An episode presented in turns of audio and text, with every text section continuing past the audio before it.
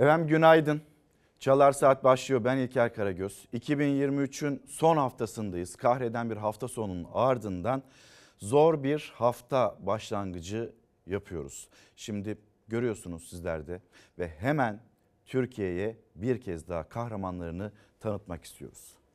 Ramazan Günay, Mehmet Serinkan, İsmail Yazıcı, Semih Yılmaz, Abdülkadir İyem, Ahmet Arslan, Emre Taşkın, Yasin Karaca, Çağatay Erenoğlu, Cebrail Dündar, Enis Budak, Kemal Arslan. Hafta sonunda Pençe Kilit Harekat Bölgesi'nden ne yazık ki acı haber geldi. Şehitlerimiz var. Vatan toprağına emanet ettiğimiz şehitlerimiz var. Arkalarından gözyaşları döktüğümüz şehitlerimiz var. Kalbimize gömdüğümüz. Haklarınızı helal ediniz. Helal olsun. Helal ediniz. Helal olsun. Helal ediniz. Türkiye 6 vatan evladını daha teröre şehit verdi. Piyade uzman çavuş Abdülkadir İyem, piyade uzman çavuş Ahmet Arslan, piyade sözleşmeli erler Semih Yılmaz, Cebrail Dündar, Kemal Aslan ve Enis Budak. Irak'ın kuzeyindeki Pençekilit Harekat Bölgesi'nde teröristlerle çıkan çatışmada şehit oldular. Kahraman askerler için Şırnak'taki 23. Piyade Tümen Komutanlığı'nda tören düzenlendi. Milli Savunma Bakanı Yaşar Güler, Genelkurmay Başkanı Orgeneral Metin Gürak ve kuvvet komutanları şehitleri memleketlerine uğurladı.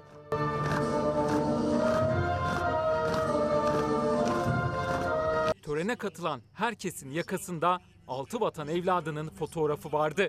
Haklarınızı helal eder misiniz? Sözleşmeler aslan. Komutanım şehit falan olursam bu videom sizde kalsın. Asker selamıyla, gülen yüzüyle komutanına gönderdiği bu videosunda şehit olursam demişti piyade sözleşmeli er Kemal Aslan. 22 yaşındaydı. Kendisinden son hatıra bu videoyu bıraktı. 22 Aralık'ta şehit düşen silah arkadaşları için de bu mesajı yayınlamıştı. Önce tek tek isimlerini, altına da Rabbim şehadetinizi kabul etsin. Vatan sizlere minnettar yazmıştı. Bir gün sonra Elazığ'daki baba ocağına onun acı haberi gitti. Gaziantep, Yozgat, Çorum, Manisa ve Mardin'e de şehit ateşi düştü.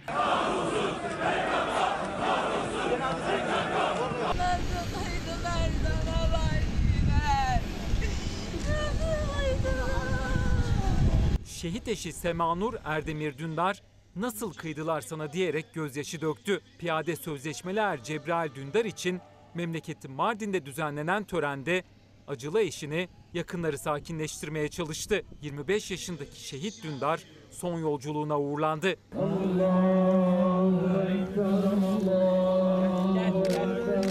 22 yaşındaki piyade sözleşmeli er Enis Budak 26 Eylül'de bu fotoğrafları paylaşmıştı. Cesaret Dağı'nda korku rüzgarı esmez.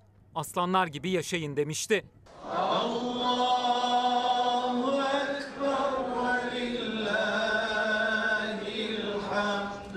Gaziantep'in şehidi piyade uzman çavuş Abdülkadir İyem de memleketinde vatan toprağına emanet edildi. Cenaze töreninde acılı babası yanındakilerin yardımıyla ayakta durdu. Al bayrağı sarılı tabutu cenaze aracına konduğunda dayanamadı baba Mehmet İyem. Oğluna sana hakkım helal diye seslendi.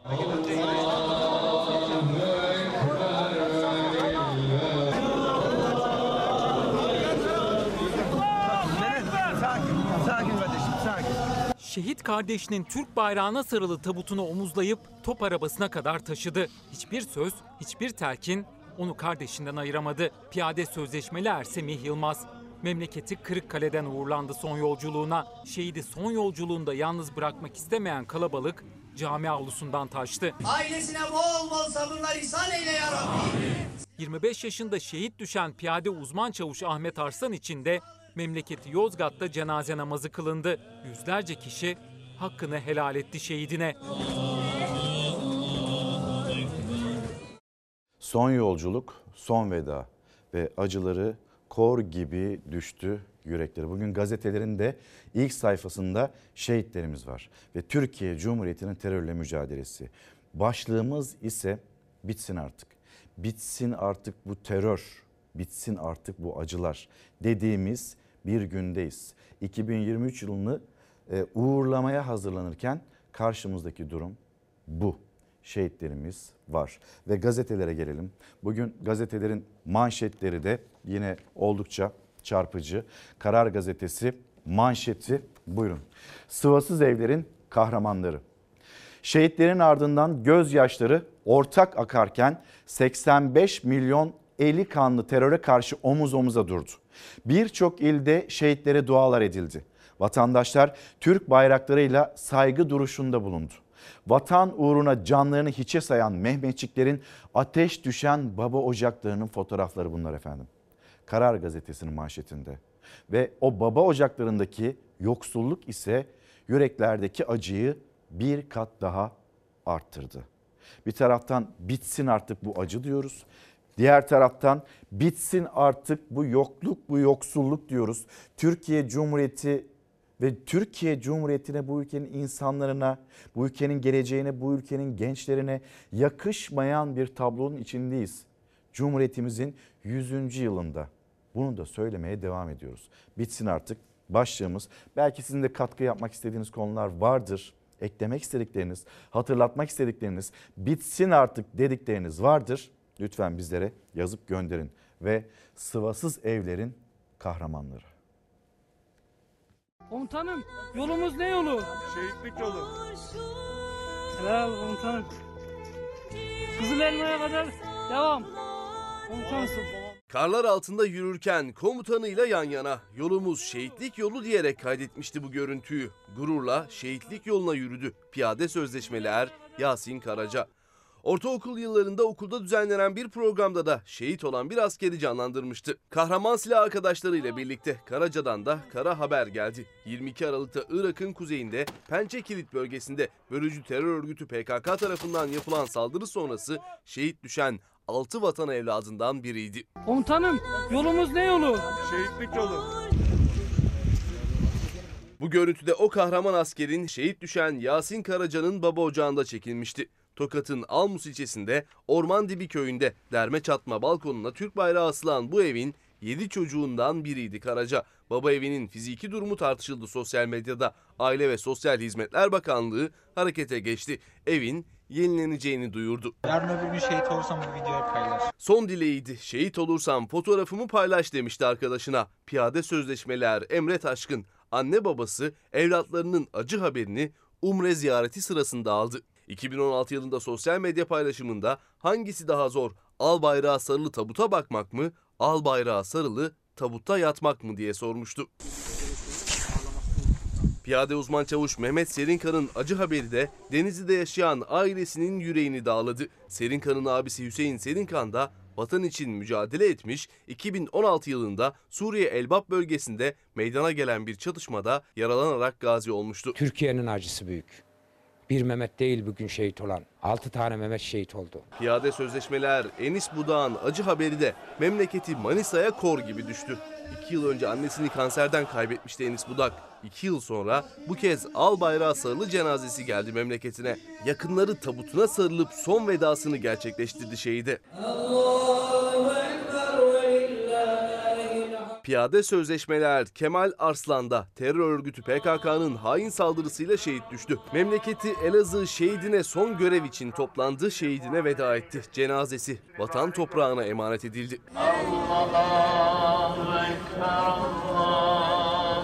Aynı çatışmada şehit düşen piyade sözleşmeler Semih Yılmaz'ın cenaze töreni ise memleketi Kırıkkale'deydi. Kırıkkaleliler omuzlarda taşıdı şehidin tabutunu. Naaşı Kırıkkale şehitliğine defnedildi.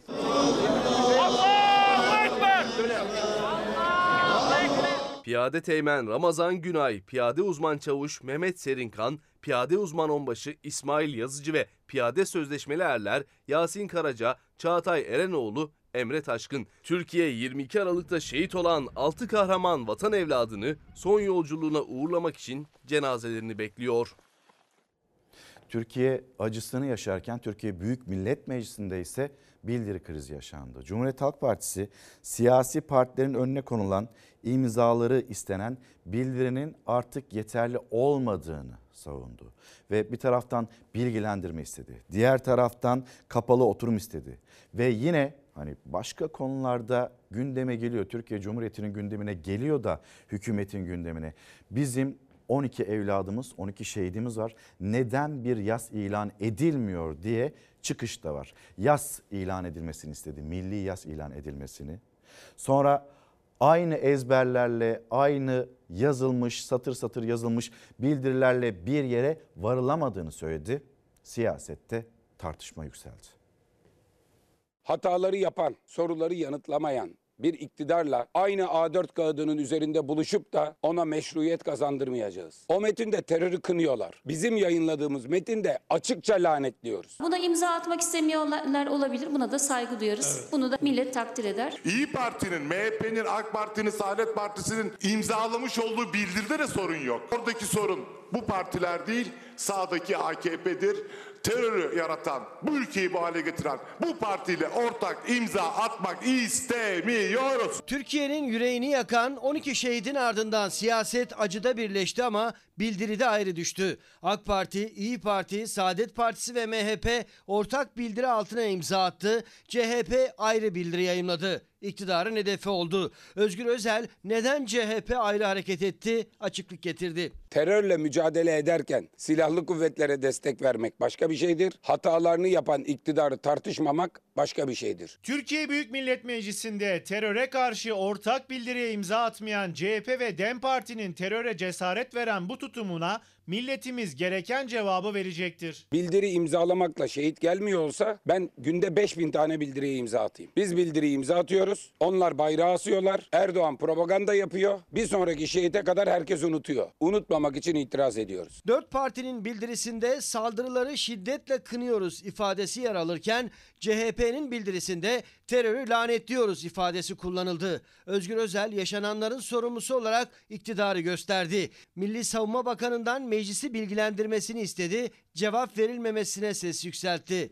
Sorularla yüklendi CHP lideri. Sormak istiyoruz. 20 aydır pençe kilit operasyonu sürüyor. Hedefleri neydi? Hedefe ulaşıldı mı? Ulaşıldıysa niye oradayız? Ulaşılmadıysa hedeflerine ulaşmama sebebi nedir? Soruyoruz. Pençe Kilit Operasyon Bölgesi'nde kaç Mehmetçiğimiz var? Soruyoruz. Pençe Kilit Operasyon Bölgesi'nde ilan edilen şehitlerin dışında şehidimiz var mı? Ya da bazı şehitlerimiz terör örgütünün elinde mi? Ya da canlı olup olmadığını bilmediğimiz bir grup askerimiz terör örgütünün elinde mi? Bu soruları yanıtlamasını bekliyoruz. Sadece iktidarla değil İyi Parti ile de bildiri üzerinde ipler gerildi CHP cephesinde. Öneriyi bir turnusol kağıdı olsun diye yapmadım. Söyleyecek çok lafım var ama söylemekten imtina ediyorum. İyi niyetle yapılmış bir önerinin üzerine bu tarz tartışmaların yapılmasından da icap duyuyorum. Etkili bir muhalefeti yapmak yerine neden iktidarın arkasında hizalanıyorsunuz? Onlar bu sorunları çözüyorlar mı? Genel kurulda gergin geçen gecede AK Parti ve DEM Parti de karşı karşıya geldi. Öncelikle hayatını kaybedenlere Allah'tan rahmet, ailelerine başsağlığı ve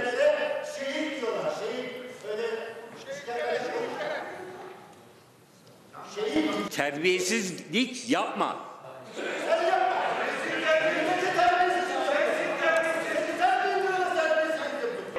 Senin söylediğin şeyleri konuşmak zorunda değilim. Ya seni grup başkanının susturamıyor kardeşim ya. Milletin canı yanıyor. Türkiye Büyük Millet Meclisi'ndeki tartışmalar.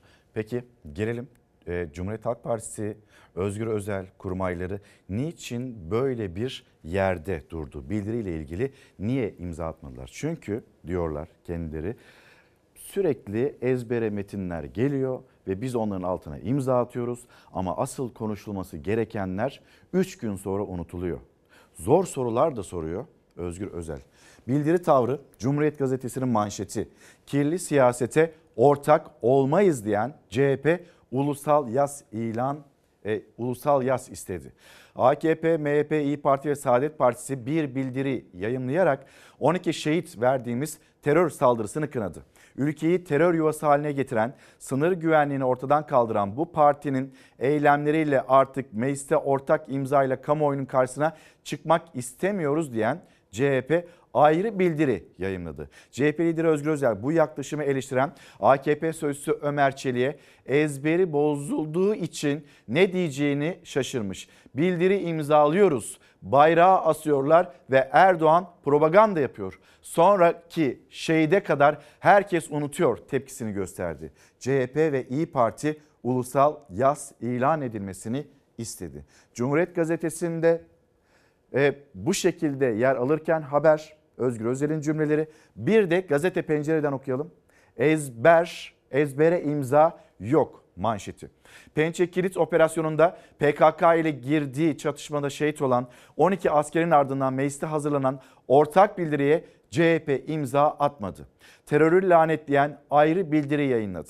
İktidar ortaklarından gelen tepkilere yanıt veren CHP Genel Başkanı Özgür Özel, bildiri imzalamakla şehit gelmeyecek olsa ben günde 5000 bildiri imzalarım dedi. Ezbere imza yok tavrında bu şekilde anlattı. Tabii aynı zamanda siyaseten yükselen sesler var, tepkiler var. Cumhuriyet Halk Partisi'nin içinde de keza burada bildiriye imza atılmamasına eleştiriler yükseliyor. CHP'nin liderinin, kurmaylarının burada nerede durduklarını çok net bir şekilde yeniden ve yeniden vatandaşa, halka anlatması, izah etmesi de gerekiyor. Peki şimdi Manisa'ya gideceğiz. Manisa'da şehidimizin cenazesi son yolculuğuna uğurlanacak ve orada hemşerisi Cumhuriyet Halk Partisi'nin genel başkanı Özgür Özel de vardı ve buradaki şehit cenazesinde gerginlik yaşandı.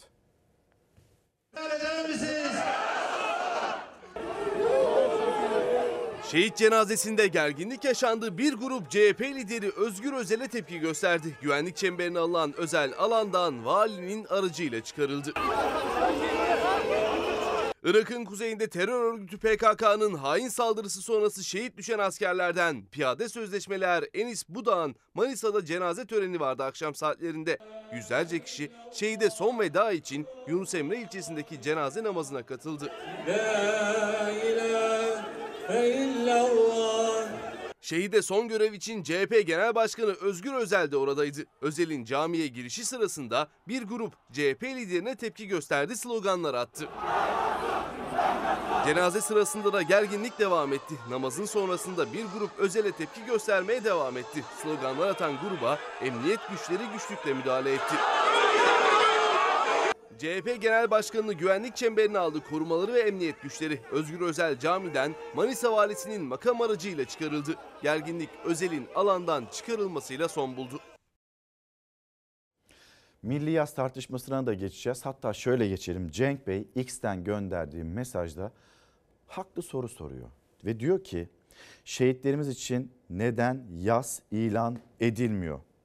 Yazık değil mi bizim bu ülkenin evlatlarına milli yaz ilan edilmeli diyor kendisi de. Milli yas ilan edilmeli. TRT'ye bakalım müzik çalıyor. Devletin kanalında. Bugün Suudi Kralı ölüyor milli yas ilan ediyoruz. 12 vatan evladı öldü bugün. 24 saat içerisinde 12 evladımızı şehit vermek milli bir meseledir ve milli bir acıdır. Dolayısıyla Türk milletinin milli yasıdır. Suudların kralı öldüğünde bile hemen ilan edilebilen yasın bugün evlatlarımıza çok görülüyor olması bizim için kabul edilemez. Türkiye 24 saatte 12 vatan evladını şehit verdi hain teröre. Türkiye şehitlerini ağlarken siyasette de polemik milli yas neden ilan edilmiyor sorusu oldu. Milli yası Suudi Arabistan kralının ölümünde ilan edenlerin aklına bugün milli yas ilan etmek gelmemektedir. Milli yas ilan ederler mi bilmiyorum ama milletimiz kendi yasını ilan etmiştir. Suudi Arabistan kralı için milli yas ilan edenler iki günde 12 evladımız şehit oldu. Neredesiniz? Milli yas ilan etmek için neyi bekliyorsunuz? İyi Parti, CHP ve Memleket Partisi milli yas ilan edilmesini istedi. Akşener yaşanan milli bir acıdır dedi, hükümete seslendi. Özgür Özel ve Muharrem İnce de 2015'te Suudi Arabistan kralının ölümü sonrası ilan edilen milli yası hatırlattı. 12 vatan evladı için neden milli yas yok diye sordu. 12 askerimiz şehit oldu. Hala milli yas ilan etmediniz. Güzel ve anlamlı ve İçimizin buruk olduğu günde yine yürekten söylüyoruz. Bizim terör sorunumuz var, teröristlerle sorunumuz var. PKK ile, DHKPC'si ile, DAEŞ ile fark etmez. Bütün terör örgütleriyle karşı ciddi bir mücadelemiz var. Madem ki bu kadar önemli bir gündeyiz ki öyle bence. Ben sadece milli yas ilan edilen günleri bir hatırlatmak istiyorum. 2011 Japonya Tohoku depremi ve tsunamisinde. 2014 Soma maden faciası. 2015 Kral Abdullah bin Abdülaziz Suud'un vefatı. 2023 Kahramanmaraş depremi. Türkiye'de en son Milli Yas Cumhurbaşkanlığı kararnamesiyle İsrail'in Gazze'deki hastaneye yönelik saldırısında yaşamını yitirenler için ilan edilmişti. 3 gün. 12 vatan evladı ölmüş. TRT 2'de, TRT 4'te müzik çalıyor. Milli yas ilan edilmemiş. Edilmediği gibi ne oldu biliyor musunuz? Gazze'de ölenler var diye Cumhuriyet'in 100. yılında Cumhuriyeti kutlamayan TRT türkülerine, şarkılarına devam etti. Böyle mi bu vatan evlatlarının acısını yüreğimizde yaşayacağız? Yok mu bir ses?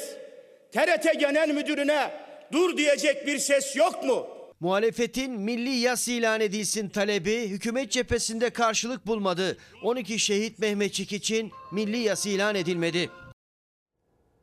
Şehitlerimiz için milli yas ilan edilmedi ve bu da insanların kalbini ağrıtıyor. Memleketimizde bizim insanlarımız, bizim gençlerimiz, bizim Mehmetçiğimiz ve bizim evlatlarımız onların e, şehadet haberinin ardından böyle bir adım atılamaz mıydı? Siyasetin bir konusu, gündemi ve polemik başlığı haline geldi. Cumhuriyet Halk Partisi, İyi Parti, Milli Yas ilan edilmesini isteyen partiler arasındaydı. Memleket Partisi lideri Muharrem İnce keza haberde de sizler de gördünüz.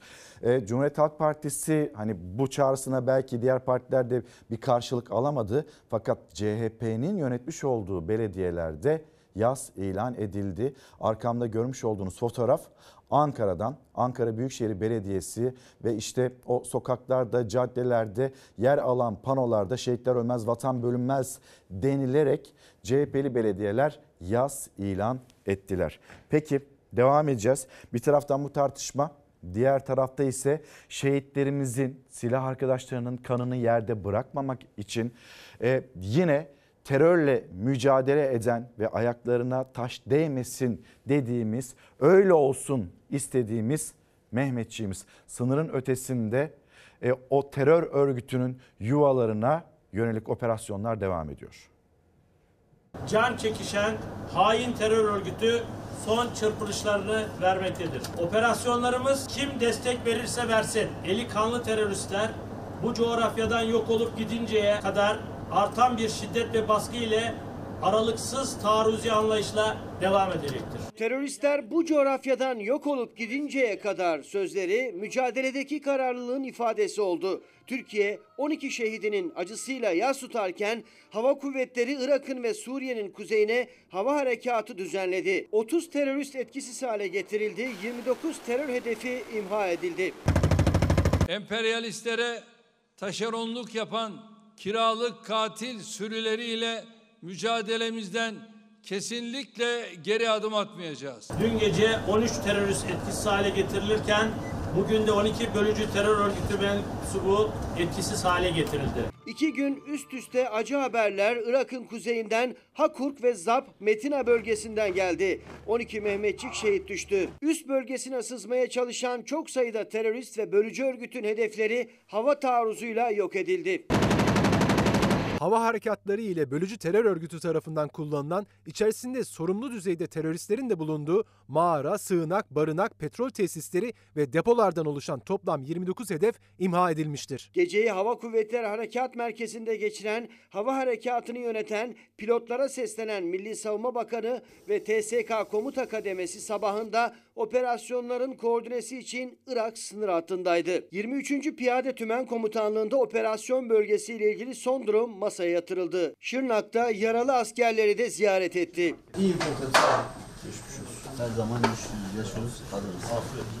Sizler oldukça bütün millet rahat ediyor. Olması gereken o komutanım. Aferin. İçişleri Bakanı Ali Yerlikaya da 10 ilde terör örgütünün kış aylarında lojistik amaçlı kullanmak ve eylem yapmak için hazırladığı sığınaklara yapılan operasyonun bilgisini paylaştı. 58 barınma alanının imha edildiğini, çok sayıda anti-tank, roket atar ve lav silahıyla obüs mühimmatı ele geçirildiğini duyurdu. Bölücü terör örgütü PKK'ya bir darbede Suriye'de vuruldu. Milli İstihbarat Teşkilatı nokta operasyonla PKK-YPG'nin Ayn el Arap sözde sorumlusu Bahauz Afrin kod adlı teröristi Suriye'de etkisiz hale getirdi. Bir taraftan terörle mücadelemiz devam ederken diğer tarafta İçişleri Bakanı Ali Yerlikaya ve Ali Yerlikaya'nın yine Türkiye ile kamuoyuyla paylaşmış olduğu bir son dakika bilgisi. 37 ilde göçmen kaçakçılığı organizatörleri ve düzensiz göçmenlere yönelik düzenlenen Kalkan 4 operasyonları kapsamında 192 göçmen kaçakçılığı organizatörü ve 4568 düzensiz göçmen yakalandı. Ve diyor ki İçişleri Bakanı aziz milletimiz bilsin ülkemizi düzensiz göçün hedefi ve transit geçiş yolu haline getirmeye kalkışan insan kaçakçılarına asla fırsat vermeyeceğiz. Ama diğer taraftan da biz nasıl böyle oluk oluk sınırlardan insanların, düzensiz göçmenlerin geçtiğine, geçebildiğine şehirlerin merkezlerinde, kamyon kasalarında, kamyonet kasalarında gelip de birden dağıldığına maalesef tanıklık ettik. Bugüne kadar böyleydi de bundan sonra hani başka bir yaklaşım mı sergileniyor? Neden bugüne kadar buna karşı, bu düzensiz göçmenlere karşı, sınırlarımızdan böyle bu kadar rahatça geçilebiliyor olmasına karşı önlemler alınmadı? Akıllarımızdaki sorulardan birisi de bu kuşkusuz. Şimdi memleket havası diyeceğiz. Memleket havasıyla birlikte aslında karın yaşatmış olduğu esaret ve aynı zamanda e, ertelenen, iptal edilen okullar, eğitim, öğretim bu notlar olacak. Kar nedeniyle kar ilk bakışta kartpostallar, kartpostallardaki gibi ama sadece ilk bakışta çünkü devamı bir esaret ve bazen de kazalar. Allah geçti.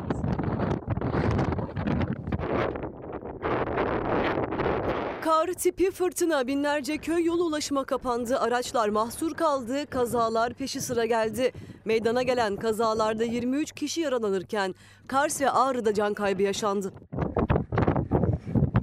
Doğu Anadolu bölgesinde akşam saatlerinde bastıran kar ve tipi ulaşımı çok sert vurdu. Erzurum, Ağrı, Kars, Ardahan ve Erzincan'da 2000'den fazla köy yolu kapandı.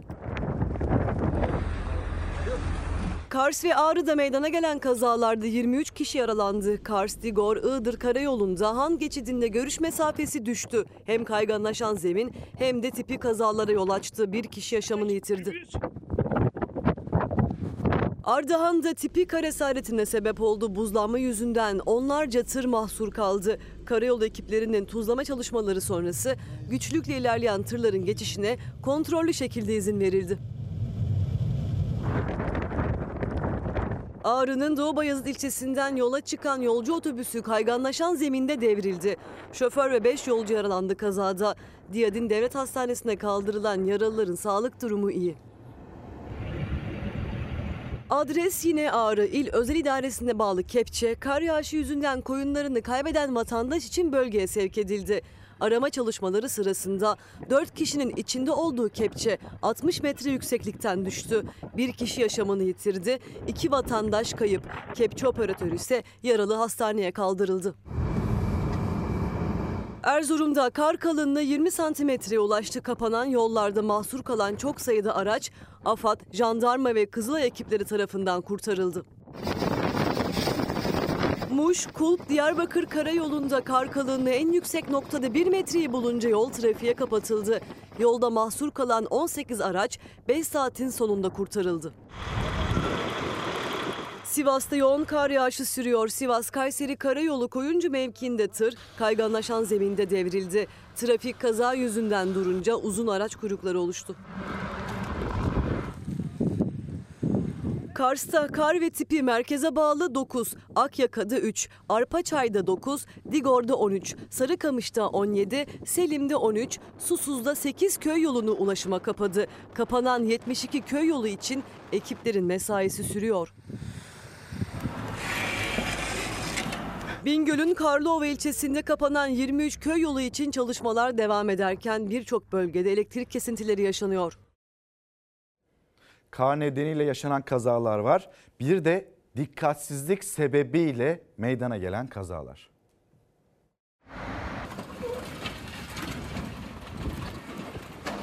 Kuru yemiş yüklü tır bariyerlere saplandı. Aracın içinde sıkışan şoför itfaiye ekipleri tarafından kurtarıldı. Tem otoyolunun Kuzey Marmara bağlantı yolunda meydana geldi kaza. Tır şoförü direksiyon hakimiyetini kaybedince savrulmaya başladı.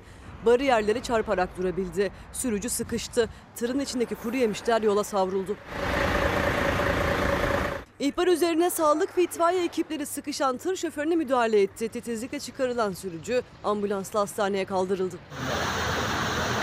Ordu'dan acı haber geldi. Alaaddin ve Nuray Bükü çiftinden haber alamayan ailesi ihbarda bulundu. Arama çalışmalarında çiftin otomobilleri Erikçeli mahallesinde yoldan 20 metre aşağıdaki derede bulundu. İkisinin de cansız bedenine ulaşıldı. Abicim bak yapma. Lütfen yapma. Yapma abi çekme. İstemiyorum. Nereden kaçıyordunuz? Yok, Bir şeyden. Tamam gel şuraya otur. Nevşehir'de polis içinde 3 kişinin bulunduğu araca dur ihtarında bulundu ancak onlar durmak yerine polisten kaçmaya kalktı. Alkollü sürücünün kullandığı araç Milli İrade Caddesi Hasan Emmi Türbesi kavşağında kaza yaptı. Takla atan otomobildeki 3 kişi yaralandı. Nevşehir Devlet Hastanesi'ne kaldırılan bir yaralının arkadaşı aynı ambulansa binmek istedi. Annesi bana emanet etti diyerek polislere dil döktü. Bana emanet abi. Tamam. Tamam aynı yere gideceğiz. Ben, ben abi ben yanında gideyim. Tamam bir soralım. Bir sor abi ben yanında gideyim. Onun annesi bana Teyze bu arkadaş da araçladı. Gelmeye ihtimal var mı? Antalya Manavgat'ta D400 karayolu üzerinde Aşağı Işıklar Mahallesi Işıklı Kavşağı'nda karşıdan karşıya geçen elektrikli bisiklet sürücüsüne hızla gelen otomobil çarptı. 20 metre sürüklenen adam kaza yerinde yaşamını yitirdi. 45 yaşındaki İbrahim Dadaş'ın hayatını kaybettiğini öğrenen yakınları kaza yerinde sinir krizi geçirdi. Olay yerinden kaçan sürücü bir süre sonra polislere teslim oldu. Çorum'da bir sürücü arkadaşını almak için sağa çekti durdu. Hemen arkasından gelen başka bir araç onu arkadan vurdu.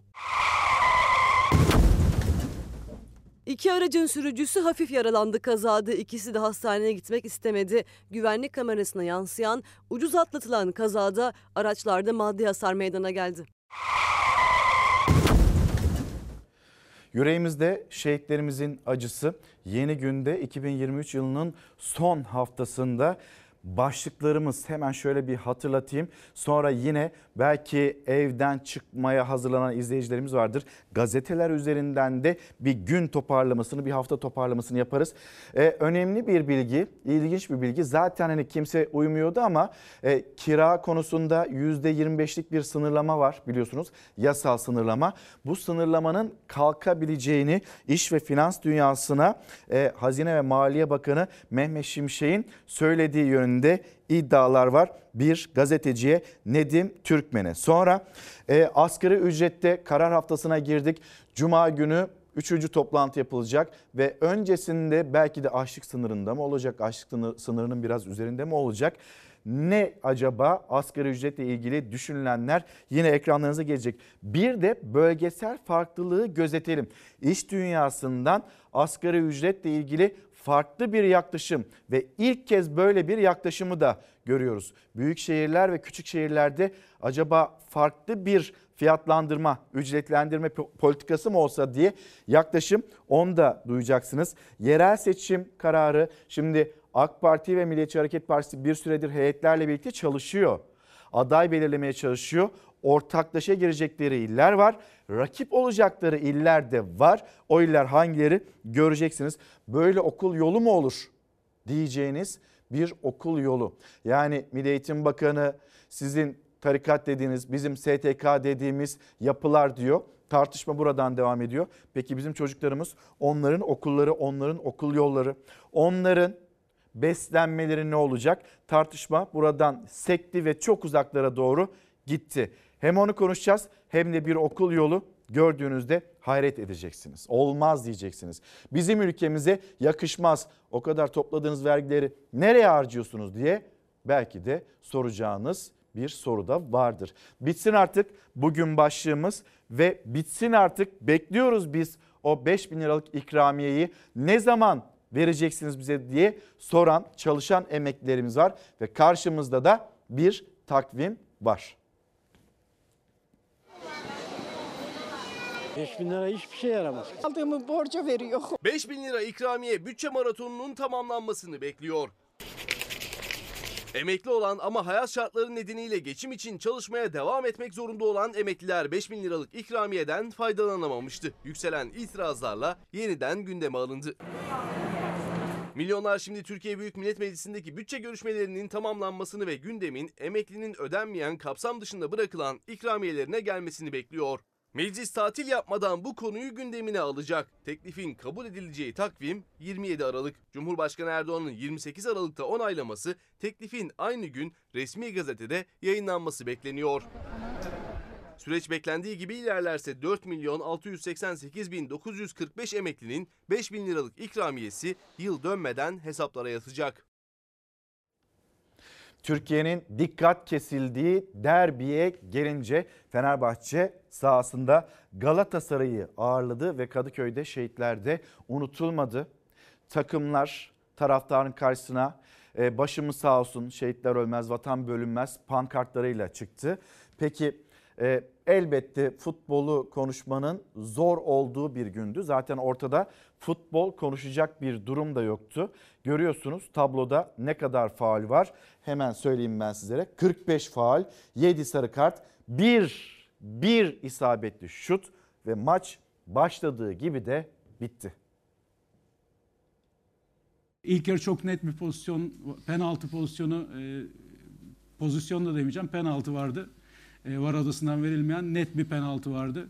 E, bu boks ringlerinde atılacak cinsten bir yumruktu belki de. Ama maalesef e, bu gözükmedi. Yayıncı da bunu net bir şekilde göstermediğini öğrendik sonradan. Biz bir yandan kendimizi eleştiriyoruz, e, derbi eleştiriyoruz. Buradan gol çıkmadı, sonuç çıkmadı. İki takım da çok üretken değildi. Ben buradan kendimi eleştirirken yayıncının da aslında e, artık e, kameralarını fazlalaştırması ceza sahası içerisindeki bu net pozisyonla ilgili e, görüntülerin net bir şekilde verilmesini dışarıdaki insanlar da talep ediyor. Yani biz hep Türk futbolunu eleştiriyoruz.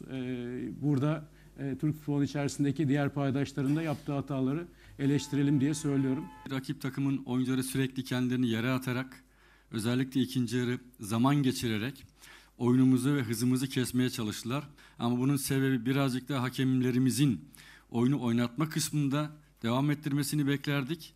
Bir tane yüzde yüz penaltımız vermedi diyor. E, verilmedi biz baktık penaltıyla hiçbir alakası yok. O zaman Saşa Boya'nın atılması lazım. O niye atılmadı? İyi mücadele ettik. Kazanmak için oyuncuların elinden gelen gayreti gösterdi.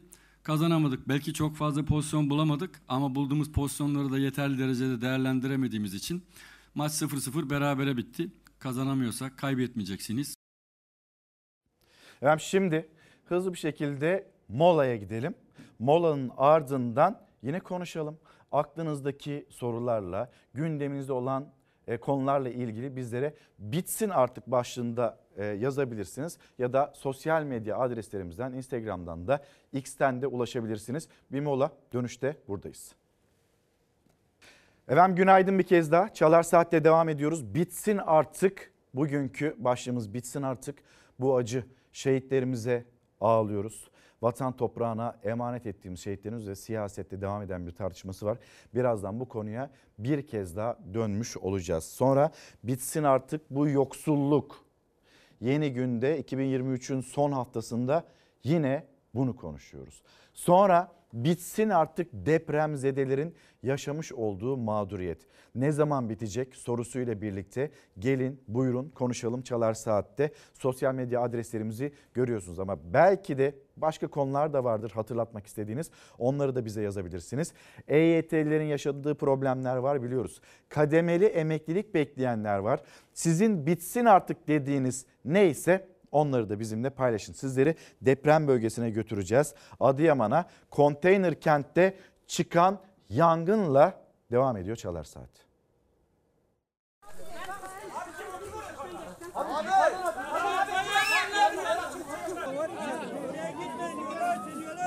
Gecenin karanlığında herkes uykudayken yükseldi alevler konteyner kentten. Depremzedeler dolu tüp bulamadı yangını söndürmeye.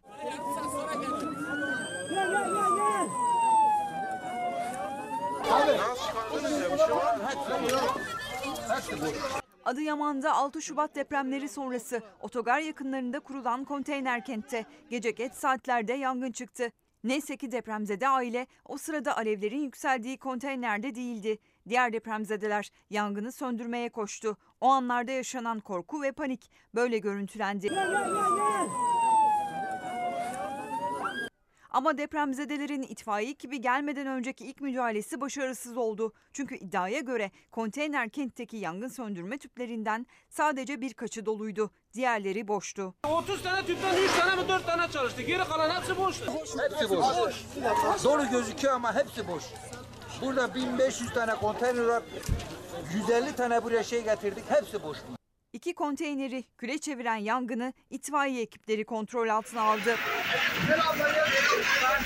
1500 kişilik konteyner kentin tamamını da sarabilirdi o alevler. Tek teselli kimsenin canı yanmadı. Yangınla ilgili soruşturma başlatıldı. Emeklilikte yaşa takılanlar ve kademeli emeklilik bekleyenler var ve haberimiz de hazır. Milyonların emeklilikle ilgili beklentisi gerçekleşti ama eksik ya da EYT'de başvuran ama hala emekli olamayanlar var. Bir hatırlatalım 2023'ten kalanlar aklımızda. Belki de 2023'ün nasıl geçtiğiyle ilgili bizimle düşüncelerinizi de paylaşmak istersiniz. Yine hatırlatalım sosyal medya adreslerimiz ekranlarınızda. Bir de kademeli emeklilik bekleyenler var. Biz ne olacağız diye ses yükselten yükseltenler.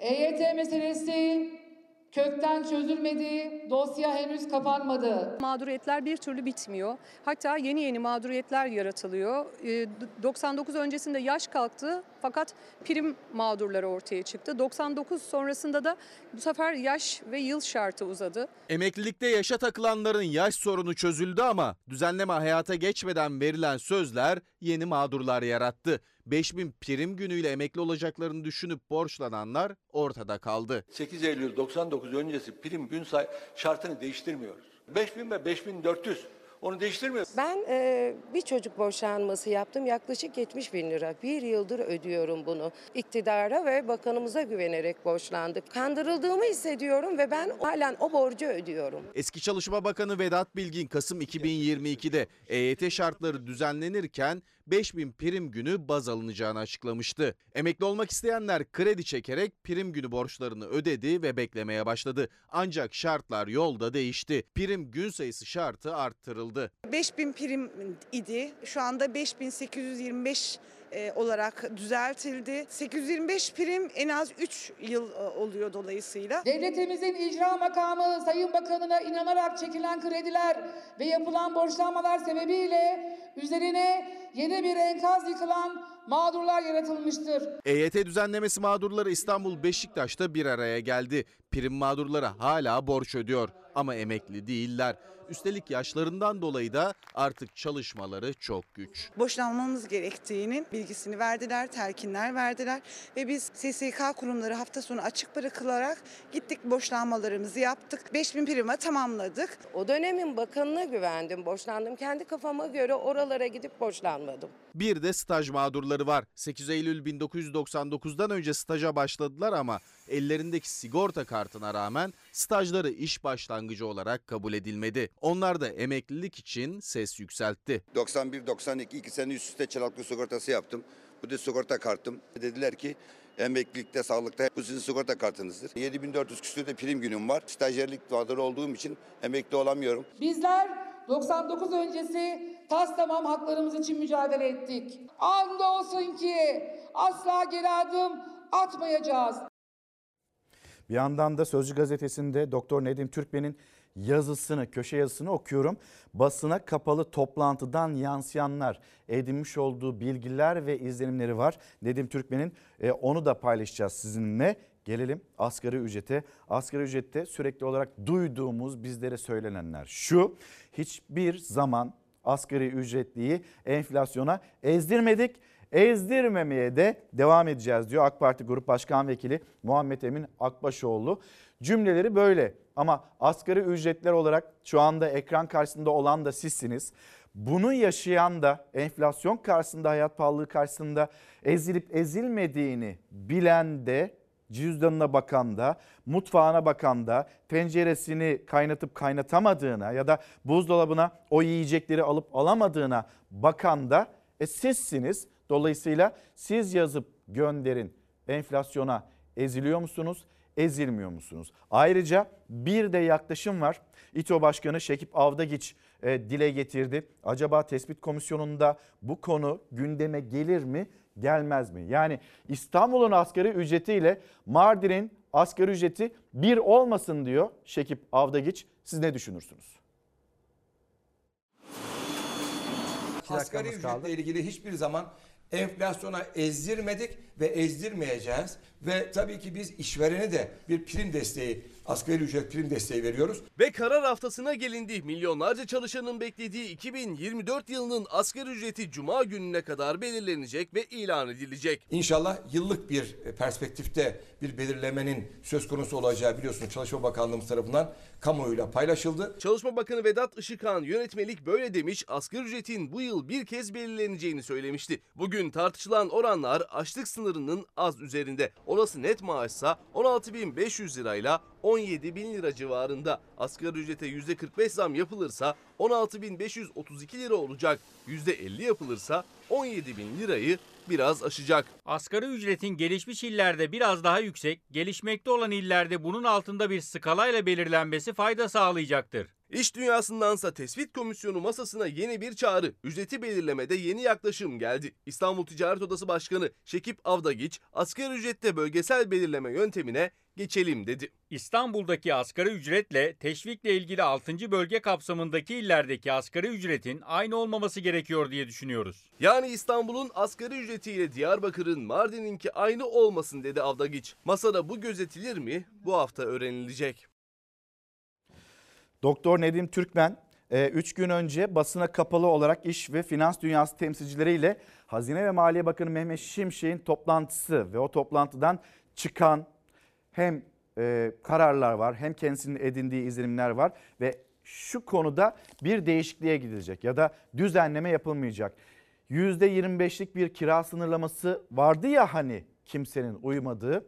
Şimdi o uygulamanın olmayacağı bir daha da gündeme gelmeyeceği söyleniyor. Konut kiralarında %25 oran sınırlaması uzatılmayacak. Bu konuşulmuş iş dünyasıyla, finans dünyasıyla. Sonra sabit gelirliler için tünelin ucunda bir ışık var mı? 2024 yılı için olmadığı düşüncesinde Nedim Türkmen. Peki devam edelim. Paramız nasıl da pul oldu? Onu göreceksiniz. Bakın 25 kuruşun maliyeti maliyeti 25 kuruşun 1 lira 64 kuruş. 50 kuruşun maliyeti 2 lira 31 kuruş. 25 kuruşumuz kendisini kurtaramıyor ve maliyet yaratıyor.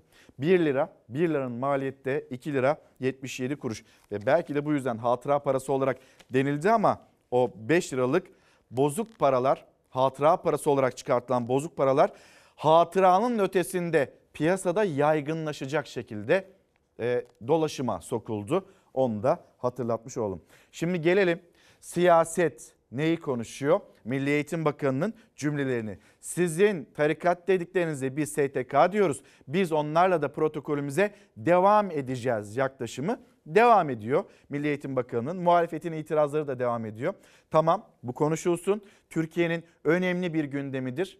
Cumhuriyetimizin 100. yılında tarikatlar, tarikatların eğitime dahil olması, eğitime dahil edilmesi, onlarla protokol yapılması, bir kaynağın aktarılması tartışma konusu olacaktır tabii ki. Peki o zaman şunu da ekleyelim o tartışmaya Milli Eğitim Bakanlığı görür görmez, dahil eder etmez. Bakın çocuklarımıza size bir okul yolunu göstereceğiz. Şanlıurfa ve CHP milletvekili Mahmut Ağa'nın gündeme getirdiği bir konudur dökemiyor muyuz biz buraya bir asfalt? Biz bu çocukların e, okul yollarını düzenleyemiyor muyuz? Düzeltemiyor muyuz acaba? Bakın çamura bata çıka okullarına ulaşmaya çalışan evlatlarımız var bizim memleketimizde. O zaman Biz de bu tartışmaya bir yesini eklemiş olalım. Nasıl ki beslenme çantasını konuşmak istiyoruz. Başka yerlere çekiliyor konu. Bakın çocuklarımızın okullarının fiziki durumu ve onların okul yolunda buyurun hep beraber konuşalım.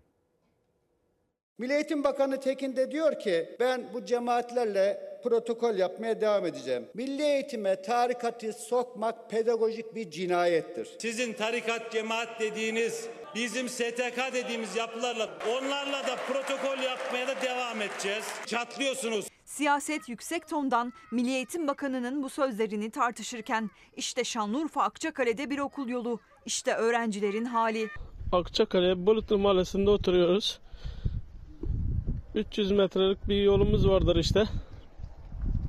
İşte çocuklarımızı okula bile de gönderemiyoruz. Eski bir görüntü değil, daha birkaç gün önce çekildi. Yağmur sonrası Bulutlu Mahallesi'nin yolu çamur deryasına döndü. Çocuklar o yoldan okuluna gitmeye çalıştı. Kaldı ki yeni bir durumda değil. Yıllardır böyle. AK Partili belediye iddiaya göre her seferinde kulak tıkadı şikayetlere. Mahallelinin asfalt yol talebi dikkate alınmadı. Manzara değişmedi. Olan yine çocukları oldu. 4 yıldır şikayet ediyoruz. Ama boştur. Görüyorsunuz işte çocukların hali. Her gün ayakkabı alıyoruz yetiştiremiyoruz. CHP Şanlıurfa Milletvekili Mahmut Tanal bu görüntüleri sosyal medya hesabından paylaşıp Milli Eğitim Bakanı'na seslendi. Protokollerle övünmek yerine önce bir zahmet gelsin Bulutlu Mahallesi'ndeki öğrencilerin halini görsün dedi. Dün gece yağmur oldu yolumuzda. Görüyorsunuz. Engelli çocuğumuzu sırtımıza alıp okula göndermemiz için. Çocuklar işte bu koşullarda yağmurda çamurda bata çıka okullarına sınıflarına ulaşmaya çalışırken muhalefetin tarikatlar üzerinden Milli Eğitim Bakanı'na tepkileri sürüyor. Bir FETÖ vardı şimdi onlarca cemaat ver. Bire 10 veriyor. En iyi yaptığınız şey de tarikatlar. CHP Ordu Milletvekili Mustafa Adıgüzel, Milli Eğitime tarikatı sokmak pedagojik bir cinayettir derken Fethullahçı terör örgütü hatırlatmasıyla iktidara Milli Eğitim Bakanı Yusuf Tekin'e yüklendi. Yüz binlerce öğretmen atama bekliyor. Yusuf Tekin onlarla protokol yapmıyor. Bu cemaat ve tarikatlarla protokol yapıyor. Neden? Çünkü kendisi de onlardan biri. Zamanı da Fethullahçılar için de aynı cümle ettiler. Aynı yine STK sözünü Fethullah için de kullandılar. Sizin çocuklar dağa çıkarmanıza engel olduğu için çatlıyorsunuz. Ben o STK'larla protokol imzalamaya devam edeceğim. Zamanı da Fethullahçılar için de aynı cümle ettiler. STK sözünü Fethullah için de kullandılar.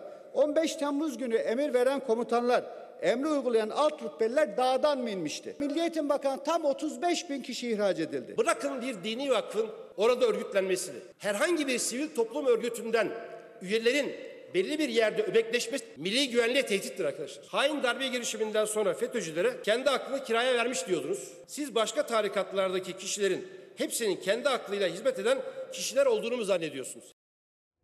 Bir yapı gidiyor, bir başka yapı mı geliyor? Ankara'da bunlar konuşuluyor. FETÖ ve FETÖ'nün Türkiye Cumhuriyeti'nin başına nasıl büyük belalar açtığını biz yaşamamışız gibi şimdi böyle bir tartışma devam ediyor. Ama çocuklarımız da çamura bata çıka gitsinler. Sonra üniversiteliler onlar da okullarından ayrılmaya devam ediyor. Niye? Sebebi pahalılık. Bunu konuşalım mı? Bunu konuşmamız gerekmez mi? En başta bunu konuşmamız gerekmez mi? Bu ülkenin geleceğini. Bakın üniversiteyi bırakan bırakana 2021 ve 2022 yıllarında 728 bin öğrenci okulundan ayrıldı. Ekonomik kriz ve artan hayat pahalılığı üniversite terkini de arttırdı. Eğitim hayatına veda eden öğrencilerin sayısı 50 şehrin nüfusunu geçti. Üniversiteyi bırakan öğrenci sayıları şöyle. Ege Üniversitesi 12.121, Uludağ Üniversitesi 11.556, Kocaeli Üniversitesi 10.902, İstanbul Üniversitesi 10.573, Ankara Üniversitesi 10.175. Alt alta topluyorsunuz 728 bin öğrenci 2021-2022 yıllarında okullarını terk etmek zorunda kaldı. Peki dünyanın notlarını alacağız. Çalar Saat Bülten sorumlusu Zafer Söken yanımızda. Zafer günaydın bir kez daha. Günaydın. Ben de çocuklarla ilgili o zaman Birleşmiş Milletler'in Gazze'li çocuklarla ilgili bir raporundan bahsedeyim. UNICEF'ten geldi bu açıklama. UNICEF dedi ki 5 yaş altında 335 bin çocuk Gazze'de açlık nedeniyle ölümle karşı karşıya. Eğer insani ara verilmezse yardım tırları Gazze'ye ulaşmazsa 5 yaş sadece 5 yaş altındaki çocuklardan bahsediyorum. 5 yaş altında 335 bin çocuk ölümle karşı karşıya. İşte dünyanın o kalıcı ateşkeste ya da en azından ikinci bir ateşkeste diretmesinin sebebi de o. Oradaki çocuklar ekmeğe, yemeğe, sıcak bir yemeğe ne güçlüklerle ulaşıyorlar. İşte nasıl kuyruklar oluşturuyorlar.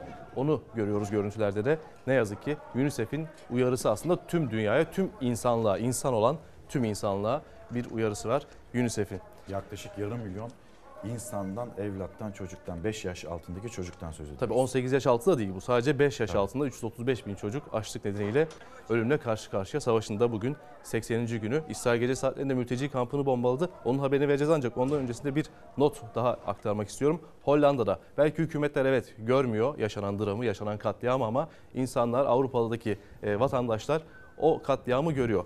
8 bin ayakkabı var. 8 bin ayakkabı neyi temsil ediyor? Gazze'de öldürülen çocukları. 8 bin çocuk, 8 binin üzerinde çocuk öldürüldü İsrail saldırılarında Gazze'de ne yazık ki. Ve Hollanda'da göstericiler böyle bir e, anıt oluştururlar aslında 8 bin çift ayakkabıyla orada çocuklar ölüyor. Onun onların insan olduğunu Avrupalılar görebilsin diye yapıyorlar aslında bu eylemi ve böyle dramatik bir protesto gösterisiydi Hollanda'dan gelen. Söylemiştim İsrail e, gece saatlerinde mülteci kampını vurdu. Ona dair haberimiz hazır. İzleyip devam edelim.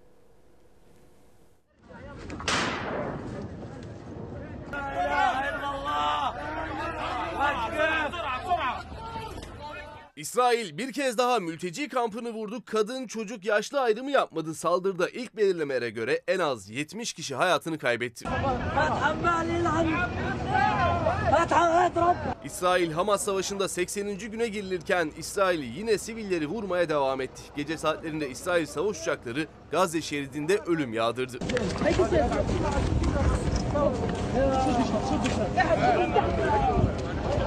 İsrail'in hedefinde çok sayıda ailenin yaşadığı, sivillerin sığındığı Magazi mülteci kampı vardı.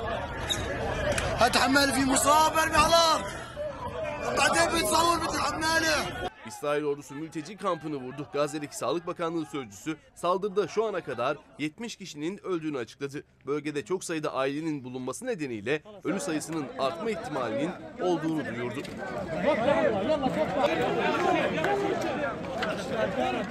İsrail sadece Filistinli sivilleri de değil, Birleşmiş Milletler personelini de hedef aldı. İsrail'in Gazze şeridine düzenlediği saldırılarda ölen Birleşmiş Milletler personeli sayısının 142'ye yükseldiği açıklandı. İsrail Başbakanı Netanyahu bir kez daha savaşın devam edeceğine yönelik mesaj verdi. Savaş Hamas yok edilinceye kadar devam edecek dedi. Ve şimdi dünyadan ve Türkiye'den notlarla devam edeceğiz. Evet Hindistan'a gidelim o zaman. Hindistan'da bir otobüsün kontrolden çıkması ve ardından manav e, dükkanının önüne dalması. Önünde bir de bir manav daha var. Görüntünün hemen başında göreceğiz. Orada bir tezgah, meyve sebze tezgahı daha var. Bu otobüs kontrolden çıkıyor. Önündeki motosikletliye de çarparak bir manav tezgahına giriyor. Çarpıcı görüntülerdi bunlar. Neyse ki kimsede ciddi bir yaralanma yok bahsettiğim motosikletliye çarpma anı burada geldi. Amerika Birleşik Devletleri'nde ise bir aslında gösteri, yeni yıla dair bir gösteri hazırlanıyor. Orada bir akrobat kadın var.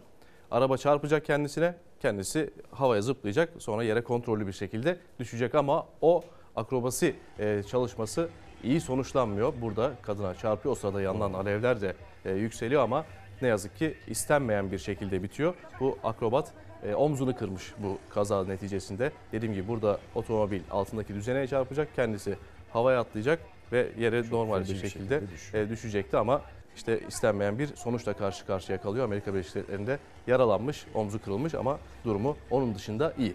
Başkaca notların da var. Onlarla da devam edeceğiz. Fakat bir tır şoförünü silahla rehin alan şüpheli Sakarya'dan İstanbul'a kadar bir yol kat etti ve o yol sırasında güzergah üzerinde İçişleri Bakanı Ali Yerlikaya ile de görüşmek istedi. O anlara gidiyoruz şimdi.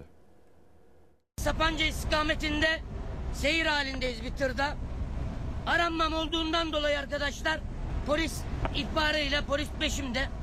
Silahla da, da bir tırcıyı rehin aldım burada. Fatih şu anda şu anda bak adalete teslim olmak senin için en güzel çözüm. Tabii ki de bakarım ne demek baş tacısınız. Tır şoförünü rehin aldı, İçişleri Bakanı ile görüşmek istedi. Elindeki silahla polislere ve etrafa ateş açan kişi Ali Yerlikaya ile görüştükten sonra teslim oldu. Fatih'im şimdi sen adalete teslim oluyorsun doğru mu? Arkadaşlar herkes hakkını helal etsin. Tamam abi geliyorum.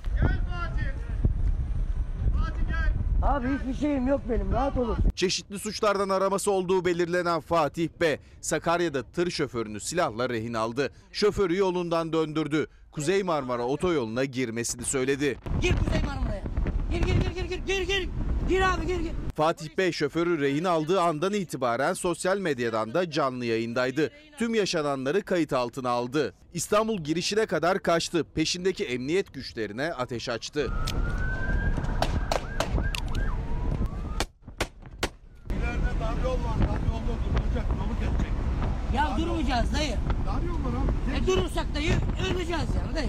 Polis ve jandarma rehineyi kurtarmak için otoyolu çift yönlü trafiğe kapattı. Ancak hiçbir yol Fatih Bey'i ikna etmeye, durdurmaya yetmedi. İçişleri Bakanı Ali Yerlikaya ile görüşmek istediğini yine yayınlarla duyurdu. Telefondan arayın beni.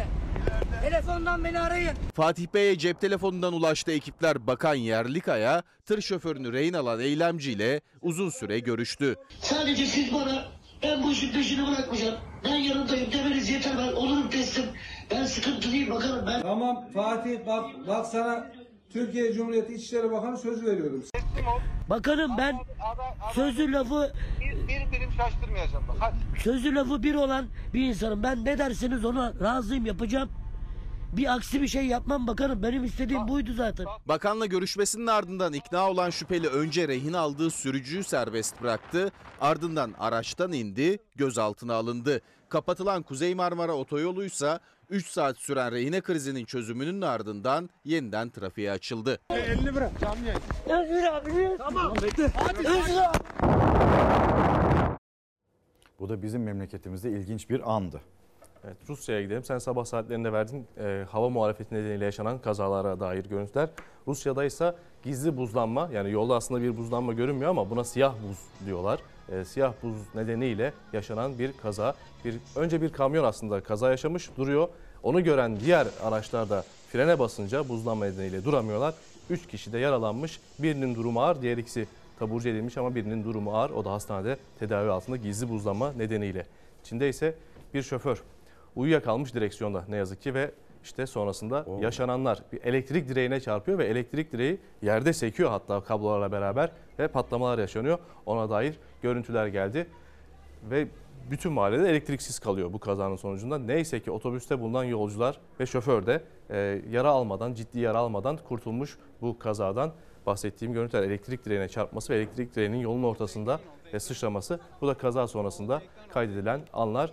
Neyse ki dediğim gibi kimseye e, ciddi bir şekilde bir şey olmayınca en azından herkes rahat bir nefes almış. Yine bir sıcak gelişmenin haberini verelim o zaman. Sırbistan'da yerel seçim vardı. 17 Aralık'ta yapıldı. Ancak muhalefet o seçimlerdeki sonuçların adil olmadığına ya da tırnak içinde söylüyorum oy hırsızlığı yapıldığına yönelik iddiaları var muhalefetin ve gece saatlerinde Belgrad Belediye binasına girmeye çalıştılar. Orada bir arbede yaşandı.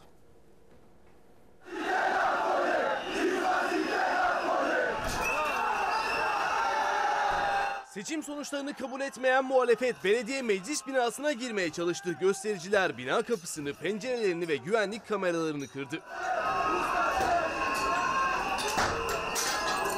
Sırbistan'da 17 Aralık'ta erken genel seçim vardı. 6,5 milyon seçmen oy kullandı. Hem yerel hem genel siyaseti şekillendirdi.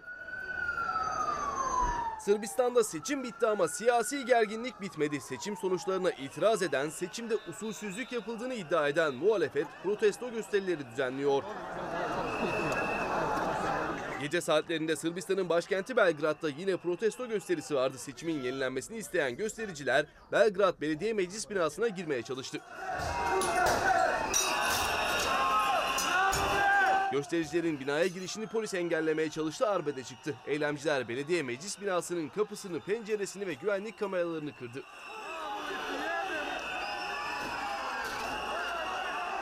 Polis binaya girmeye çalışan göstericilere göz yaşartıcı gazla müdahale etti. Ülkede tansiyon hala çok yüksek. Sırbistan'daki seçim ve sonrasında yaşananlar bir de kendi memleketimizde yerel seçim hazırlıkları var. Zafer sen notlarına bir küçücük mola ver. Cumhur'un yerel seçim hesapları burada bir anlaşma e, olduğu yönünde Cumhuriyet Gazetesi'nde yer alan Ankara'da kulislerde konuşulan bilgiler var. Onları getireceğiz ekranlarınıza fakat e, Gelecek Partisi lideri Ahmet Davutoğlu'nun o açıklamasına da bir bakalım T20'den e, T24'ten Murat Sabuncu'nun röportajı Ahmet Davutoğlu'yla ve o röportajdan çıkan e, açıklama. İktidarın adayına destek verebiliriz. Bazı yerlerde bizim adayımıza MHP ya da AK Parti destek vermek isterse niye veriyorsunuz demeyiz. Veya bazı yerlerde o kadar iyi, dürüst ve liyakat sahibi aday çıkarırlar ki müzakere ederek iktidarın adayına destek verebiliriz. İktidarın adayına destek verebiliriz açıklamaları geldi. Gelecek Partisi lideri Ahmet Davutoğlu'ndan. Ve bakalım şimdi MHP ve AK Parti nasıl anlaştı? Nerede ortaklar, nerede rakipler? İstanbul'da, Ankara'da, 29 ilde ortak, Kastamonu'da, Karaman, Kütahya'da rakip olacaklar. AK Parti ve MHP yerel seçim çalışmalarını tamamladı. Heyetler arasında aday diplomasisi bir süredir devam ediyordu. İki parti arasında Cumhuriyet Gazetesi'nin haberine göre planlamada son aşamaya gelindi. MHP büyük şehirlerden ikisinde Mersin ve Manisa'da Cumhur İttifakı'nın desteğini alacak. AK Parti MHP Genel Başkanı Devlet Bahçeli'nin memleketi Osmaniye, Kars, Kırıkkale, Bartın ve Erzincan'da da MHP'nin adaylarını destekleyecek. Kulislere göre işbirliği kapsamında Bolu, Burdur, Ardahan, Çanakkale, Edirne, Hakkari ve Şırnak gibi illerde AK Parti ittifak adına aday çıkartacak. Muhalefetin yönetimindeki belediyeleri gerçek belediyecilikle yeniden buluşturacağız. Bilecik'in Söğüt ilçesinde MHP, Bitlis'in Ahlat ilçesinde AK Parti desteklenecek. 2019 yerel seçimlerinde Karaman, Karabük, Kastamonu, Kütahya'da MHP kazanmıştı seçimi. 31 Mart'ta bu illerde rakip olacak iki parti.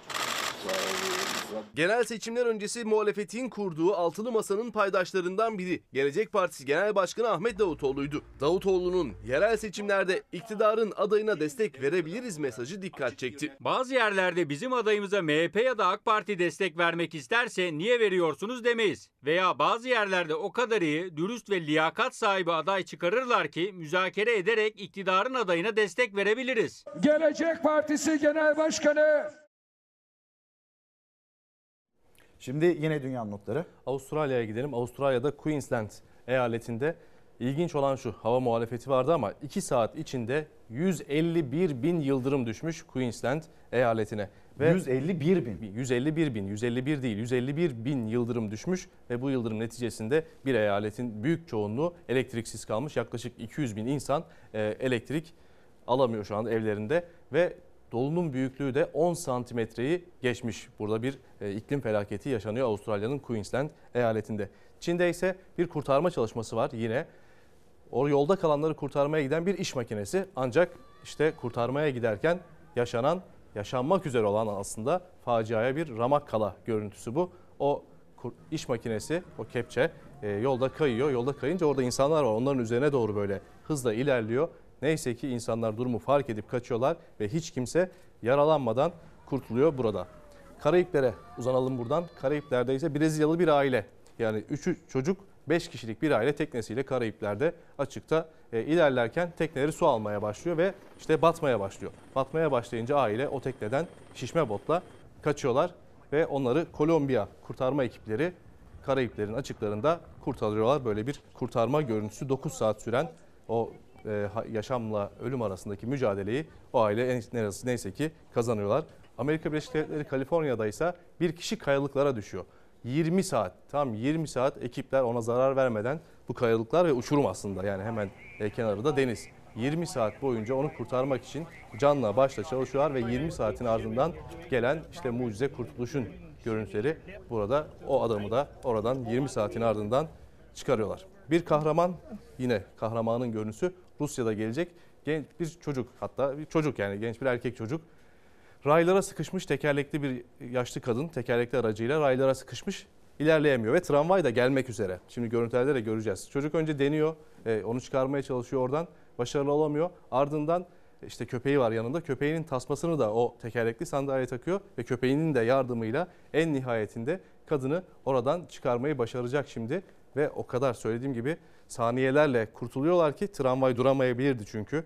Defalarca uğraşıyor, uğraşıyor, uğraşıyor ve en sonunda başarılı oluyor. Bu da işte başarılı, En başardığı anlara sonunda. ait görüntüler. Ve şimdi hemen arkasından görüntü gelecek. Tramvay geliyor. Yani saniyelerle aslında bir kurtuluşun hikayesi. Bu Rusya'da bir çocuğun kahramanlığı bu. Amerika Birleşik Devletleri'nde ise suç ve ceza dediğimiz Dostoyevski'den e, alıntı yaparak bir kadın fast food zincirine gidiyor. Yemek söylüyor kendine. Ancak yemeği beğenmiyor. Yemeği beğenmeyince işte yaptığına bak burada orada çalışanın yüzüne doğru fırlatıyor. Tabii çalışan şikayetçi oluyor. Burada cezası daha iyi. Yani cezası daha ilginç.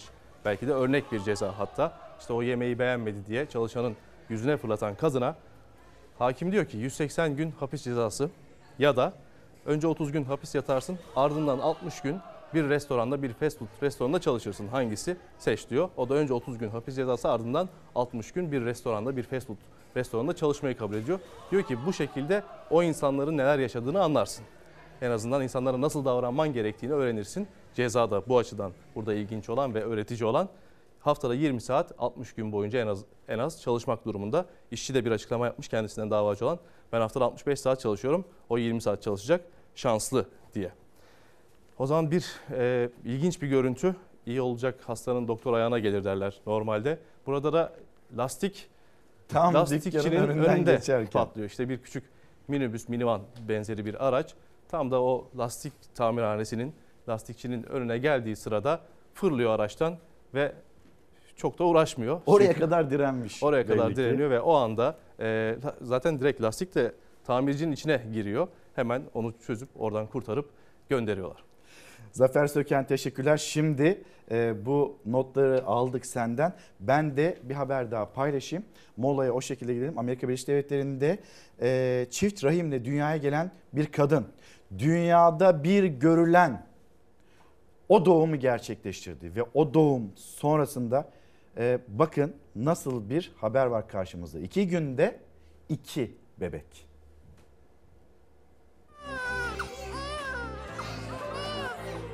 Milyonda bir görülen hamilelik yaşandı. Çift rahime sahip kadın iki gün içinde iki kez doğum yaptı.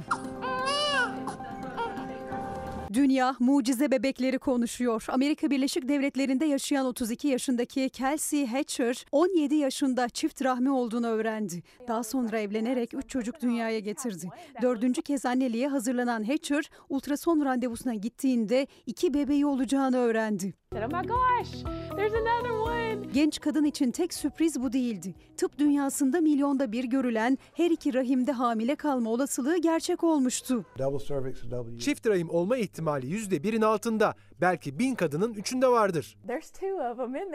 Orada iki tane var dedim. Yalan söylüyorsun dedi. Hayır söylemiyorum dedim. Hatcher 9 ayın sonunda sancıları başlayınca bir üniversite hastanesinde doğuma alındı. Doğuma iki kat fazla sağlık çalışanı eşlik etti. İlk bebek salı akşamı normal doğumla dünyaya geldi.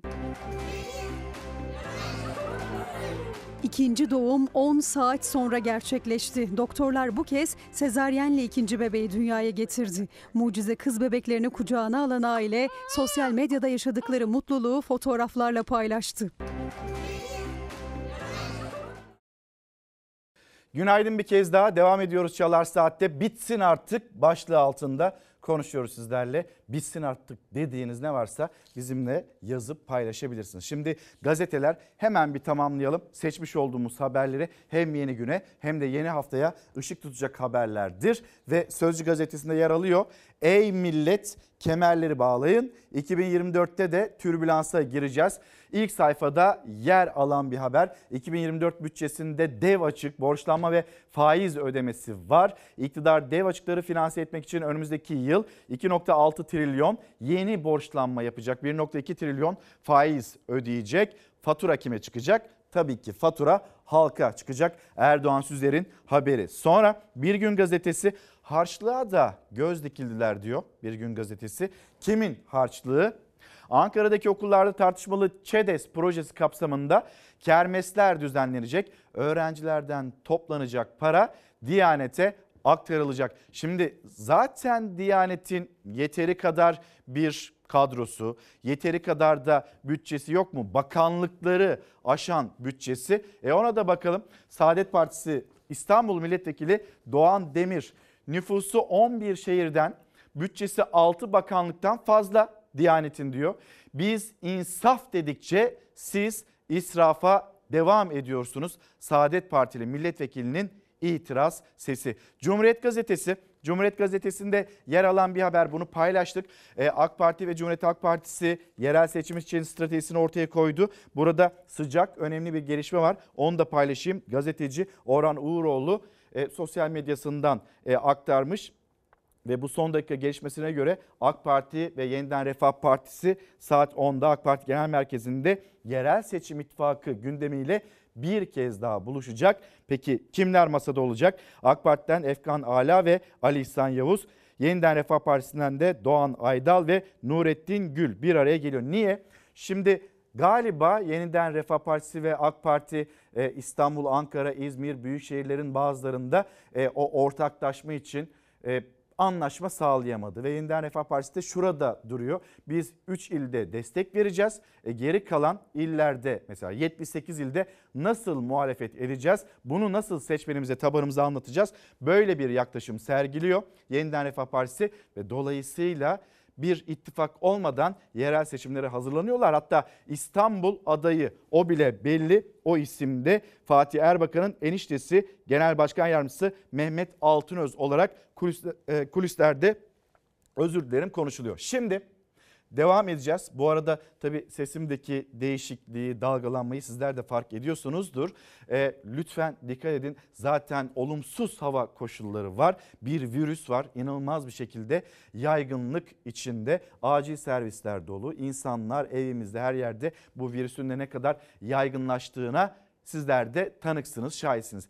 Memleketin havası diyelim isterseniz ve sonrasında kar ve e, kar sonrasında yaşanan esaret hangi şehirlerimiz, hangi köylerimiz esaret altında, beyaz örtünün esareti altında onu da paylaşacağız. Önce memleket havası. Kar yağışı 13 ilde okulları tatil etti. Okulların tatil olduğu bölgelerde kamu ve kuruluşlarında çalışan hamile, engelli ya da kronik hastalığı bulunan personeller de idari izinli sayıldı. Kar ve tipi en çok Doğu Anadolu bölgesini vurdu. Ardahan'da ilk ve orta dereceli okullar ulaşımdaki sıkıntılar nedeniyle mağduriyet yaşanmaması için bugün tatil edildi. Erzurum'da Aziziye, Palandöken ve Yakuti ilçesinde okullar tatil.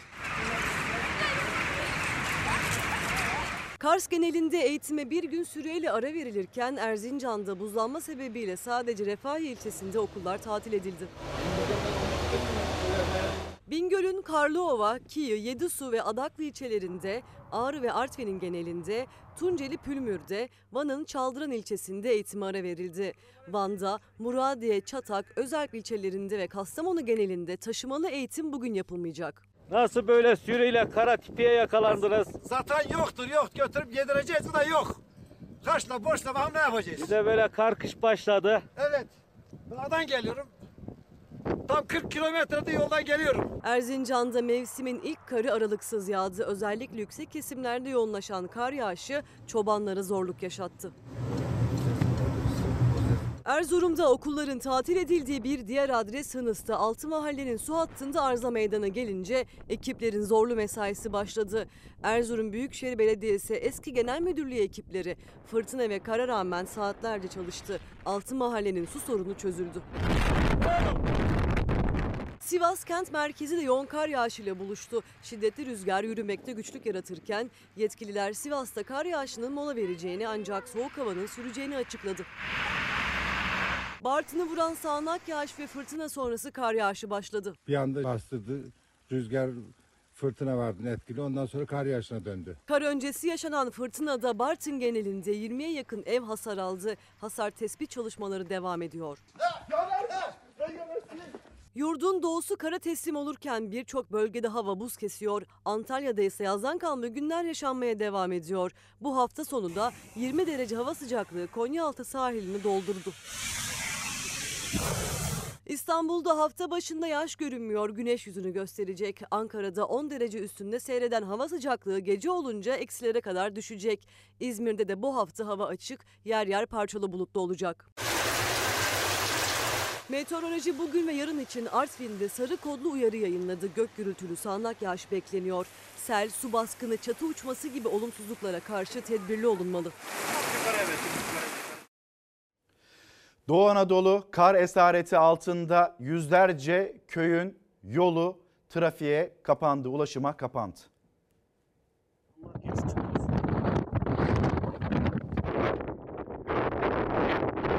Kar tipi fırtına binlerce köy yolu ulaşıma kapandı. Araçlar mahsur kaldı. Kazalar peşi sıra geldi. Meydana gelen kazalarda 23 kişi yaralanırken Kars ve Ağrı'da can kaybı yaşandı. Doğu Anadolu bölgesinde akşam saatlerinde bastıran kar ve tipi ulaşımı çok sert vurdu. Erzurum, Ağrı, Kars, Ardahan ve Erzincan'da 2000'den fazla köy yolu kapandı. Kars ve Ağrı'da meydana gelen kazalarda 23 kişi yaralandı. Kars, Digor, Iğdır karayolunda Han geçidinde görüş mesafesi düştü. Hem kayganlaşan zemin hem de tipi kazalara yol açtı. Bir kişi yaşamını yitirdi. Ardahan'da tipi kar esaretine sebep oldu. Buzlanma yüzünden onlarca tır mahsur kaldı. Karayolu ekiplerinin tuzlama çalışmaları sonrası güçlükle ilerleyen tırların geçişine kontrollü şekilde izin verildi. Ağrı'nın Doğu Bayazıt ilçesinden yola çıkan yolcu otobüsü kayganlaşan zeminde devrildi. Şoför ve 5 yolcu yaralandı kazada. Diyadin Devlet Hastanesi'ne kaldırılan yaralıların sağlık durumu iyi. Adres yine Ağrı İl Özel İdaresi'ne bağlı Kepçe, kar yağışı yüzünden koyunlarını kaybeden vatandaş için bölgeye sevk edildi. Arama çalışmaları sırasında 4 kişinin içinde olduğu kepçe 60 metre yükseklikten düştü. Bir kişi yaşamını yitirdi, iki vatandaş kayıp. Kepçe operatörü ise yaralı hastaneye kaldırıldı. Erzurum'da kar kalınlığı 20 santimetreye ulaştı. Kapanan yollarda mahsur kalan çok sayıda araç AFAD, jandarma ve Kızılay ekipleri tarafından kurtarıldı. Muş, Kulp, Diyarbakır karayolunda kar kalınlığı en yüksek noktada 1 metreyi bulunca yol trafiğe kapatıldı. Yolda mahsur kalan 18 araç 5 saatin sonunda kurtarıldı. Sivas'ta yoğun kar yağışı sürüyor. Sivas-Kayseri Karayolu Koyuncu mevkiinde tır kayganlaşan zeminde devrildi. Trafik kaza yüzünden durunca uzun araç kuyrukları oluştu. Kars'ta kar ve tipi merkeze bağlı 9, Akyaka'da 3, Arpaçay'da 9, Digor'da 13, Sarıkamış'ta 17, Selim'de 13, Susuz'da 8 köy yolunu ulaşıma kapadı. Kapanan 72 köy yolu için ekiplerin mesaisi sürüyor. Bingöl'ün Karlova ilçesinde kapanan 23 köy yolu için çalışmalar devam ederken birçok bölgede elektrik kesintileri yaşanıyor. Nural Hanım günaydınlar. Nural Efendiler sizi görmeden e, kahvaltıya oturmuyoruz mesajını paylaşmış bizimle. Çok sağ olun çok teşekkür ederiz. Sonra e, dördün biri derecedeki memur emeklilerinin 3600 ek göstergesi verilmesi durumu acaba ne oldu diye soran bir izleyicimiz. İsminize de bakayım burada. Ee, Mehmet Emin Akbaş'ın gönderdiği bir mesaj bu. Erzurum tipi kar herkes doğalgazı düşünüyor. Doğalgaz faturaları ne olacak acaba diye. Acaba Erzurum için ya da Doğu illeri için doğalgazda bir indirim söz konusu olur mu olmaz mı diye sormuş izleyicimiz. Sizce olur mu? Yani bu kadar büyük bir kara delik var iken acaba sizce olur mu? Sonra seçimin öncesinde bir doğalgazda e, indirim hatta hiç böyle zam yansıtmama gibi bir yaklaşım da sergilenmişti. Sonra ne oldu? Orada enflasyon işte eklendi pakete enerji enflasyonu sıfır olarak çıktı. Peki tam da Temmuz ayından önce Temmuz ayından önce enflasyon düşük göründü ve memur içinde, emekli içinde, asgari ücretliye yapılacak olan o ara zam içinde nasıl bir düşme söz konusu oldu? Hatırlayacaksınız sizler de. Unuttuk mu yoksa bunu? unutmayın efendim. Doğalgaz bulunuyor Karadeniz'de. Sonra nasıl zam geldiğine hep birlikte tanıklıkta ettik. Şimdi bir adalet arayışı ve o adalet arayışını biz de yüksek sesle bir kez daha duyurmak istiyoruz. Evimizin içi acı dolu artık diyen bir aile. fikrim baştan. Oğlumu görmesine rağmen frene basma gereği duymuyor. Sağdan kaçmaya çalışıyor.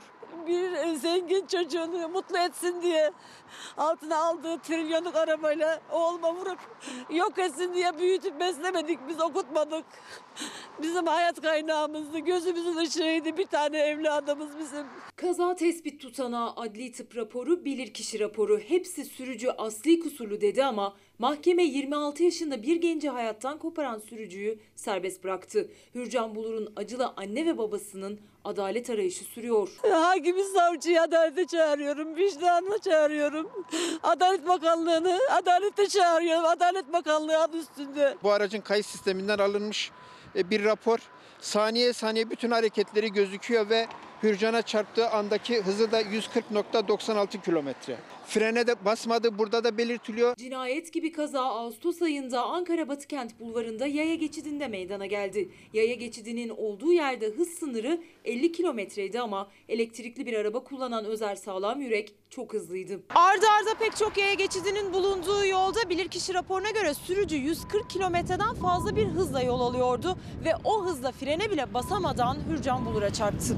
Hürcan'a vurduğu anda da hızını yine azaltmayıp frene basma gereği duymadan hızını %75 daha da arttırıyor ki bu bilirkişi raporunda saniye saniye var. Bir sonraki yaya geçidine kadar oğlumu yaklaşık 40 metre sürüklüyor. Kaza anının kamera kaydı yok ama bir görgü tanığı var ve ifadesine göre sürücü kaza anında hem çok hızlıydı hem de makas atarak ilerliyordu ve Hürcan Bulur'a çarptıktan sonra da durmadı, metrelerce sürükledi. Hürcan'ın vücudunda kırılmadık kemik kalmamıştı. İç organları parçalanmıştı. 12 saat sonra biz Hürcan'ı kaybettik. Her gün ciğerlerim yanarak uyanıyorum yataktan. 26 yaşındaki tek evlatlarını hayattan koparan ve asli kusurlu bulunan sürücü Özer Sağlam Yürek 4 aydır tutukluydu. Mahkeme süreci ise Ekim'de başladı Aralık'ta bitti. Sanığın 7,5 yıl hapis cezası iyi halden 6 yıl 3 aya düştü ve son duruşmada hakim sürücüyü serbest bıraktı. Oğlumun katilinin babası bir iş adamı bir haber yollamıştı. Tazminat hesabı yaptırdık 800 bin lira tutuyor. Biz size bunun iki katını verelim bu davayı kapatalım gibi iğrenç bir teklifte bulundu. Yetmezse de başka yollara başvuracağım dedi. Pazar günleri gidip Hürcan hadi kahvaltı yapacağız demem gerekiyor ama odasına gidiyorum Hürcan yok. Evin içi acı dolu bizim evimiz artık hiç mutlu değiliz. Evleri acı dolan ailenin tek bir isteği var, adalet. Biz şimdi konuyu istinafa taşıyacağız. Çünkü emsal olacak bir karar çıkarsa belki başka Hürcanlar ölmemiş olur böylece. Bizim tüm çabamız bunun içindi. Büyük bir adalet mücadelesi veriyor. İşte burada gözyaşları içinde bir aile. Şimdi İstanbul Beylikdüzü'ndeyiz. İstanbul Beylikdüzü'nden de yine acı bir haber paylaşacağız. Silahlı saldırı ve silahlı saldırı sonucunda biri 22, diğeri 27 yaşında iki gencin hayattan kopması. İki arkadaş, biri 22'sinde, diğeri 27'sinde. Sokak ortasında motosikletli iki saldırganın kurşunlarına hedef oldu. Kız arkadaşlarının çağırdığı yere giden iki genç silahlı saldırıda can verdi. İki kız bu Eren'le diğer arkadaşını çağırıyorlar. Pusuya düşürüp e, diğer hasımları da vuruyor. İstanbul Beylikdüzü'nde cumartesi gecesi yaşandı silahlı saldırı. 22 yaşındaki Bektaş Eren Kaya ile 27 yaşındaki Salih Tutkun yeni tanıştıkları iki kızla bir kafede buluştu. Buluşma sonrası dışarı çıktılar. Kız arkadaşlarıyla ayrıldıkları sırada motosikletle yanlarına yaklaşan iki kişi gençlere kurşun yağdırdı. Bir iş yerine ait güvenlik kamerası Bektaş Eren Kaya'nın vurulduğu anları böyle kaydetti. Kaya canının acısıyla seke seke yürüyüp yere oturdu. Ardından da baygınlık geçirdi. Sonra kızlar kapıya çağırıyor. Ondan sonra kızlar kaçıyor. Çocukları ateş ediyorlar, öldürüyorlar. Şüpheliler motosikletle gelmişler. Salih Tutkun olay yerinde, Bektaş Eren Kaya da kaldırıldığı hastanede hayatını kaybetti. Silahlı saldırganlar ET ve YB gözaltına alındı. Daha önce dövmüşler. Ama kim dövdü, niye dövdü bu olayı yapanlar da aynı kişiler mi bunu da bilmiyoruz. Oğlunun cenazesini Adli Tıp Kurumu'ndan teslim alan baba Mehmet Kaya son dönemde artan silahlı saldırılara yönelik devletin önlem almasını istedi. Devletimizin bunun önüne geçmesini istiyoruz. Yani bugün benim çocuğum, yarın başkasının çocuğu.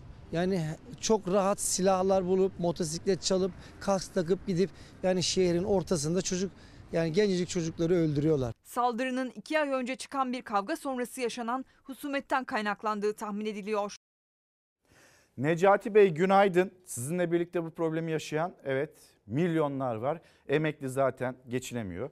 Kimi 7500 lira alıyor. Kiminin maaşı 7500 lira bile değil 7500 liraya tamamlanıyor. Ya da işte 8000, 9000 o e, en düşük e, emekli maaşına yakın maaş alan e, izleyicilerimiz var. Milyonlar var ve kendisi de diyor ki Necati Bey'in 3 ilaç aldım. Katkı payı olarak da 102 lira ödedim. Hani zaten geçinemiyoruz. Biz resmen ilacı e, paramızla almıyor muyuz? O zaman başka bir durum var mı karşımızda?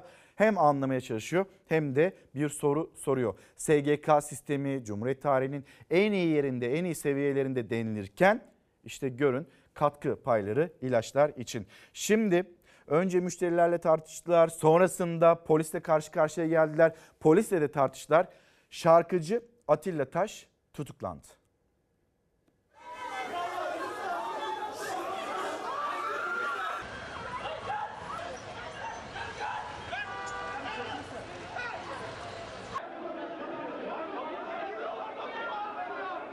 Eğlence mekanında başladı kavga, sokaklara taştı. Şarkıcı Atilla Taş ve eşi Meltem Taş'ın gergin anları karakolda devam etti, cezaevinde bitti. Atilla Taş polise mukavemet, darp ve hakaretten tutuklanarak cezaevine gönderildi. Eşi Meltem Taş adli kontrol şartıyla serbest bırakıldı. Taş çiftinin polise saldırdığı anlar güvenlik kamerasına yansıdı.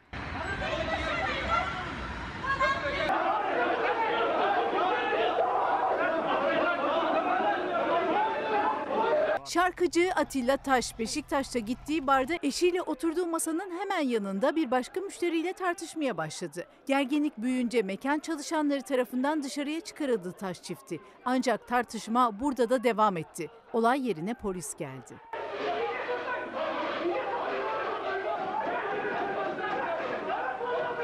Sokaktaki kavgada Atilla Taş ve eşi Meltem Taş polisin üzerine yürüdü.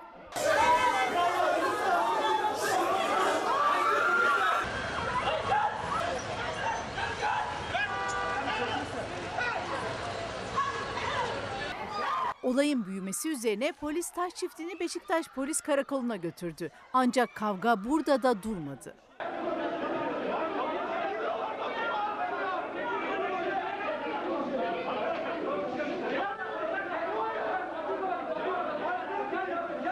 Olaylı gecenin sonunda Atilla Taş polise mukavemet, darp ve hakaret suçlamalarıyla adliyeye sevk edildi ve tutuklanarak cezaevine gönderildi. Eşi Meltem Taş ise adli kontrol şartıyla serbest bırakıldı.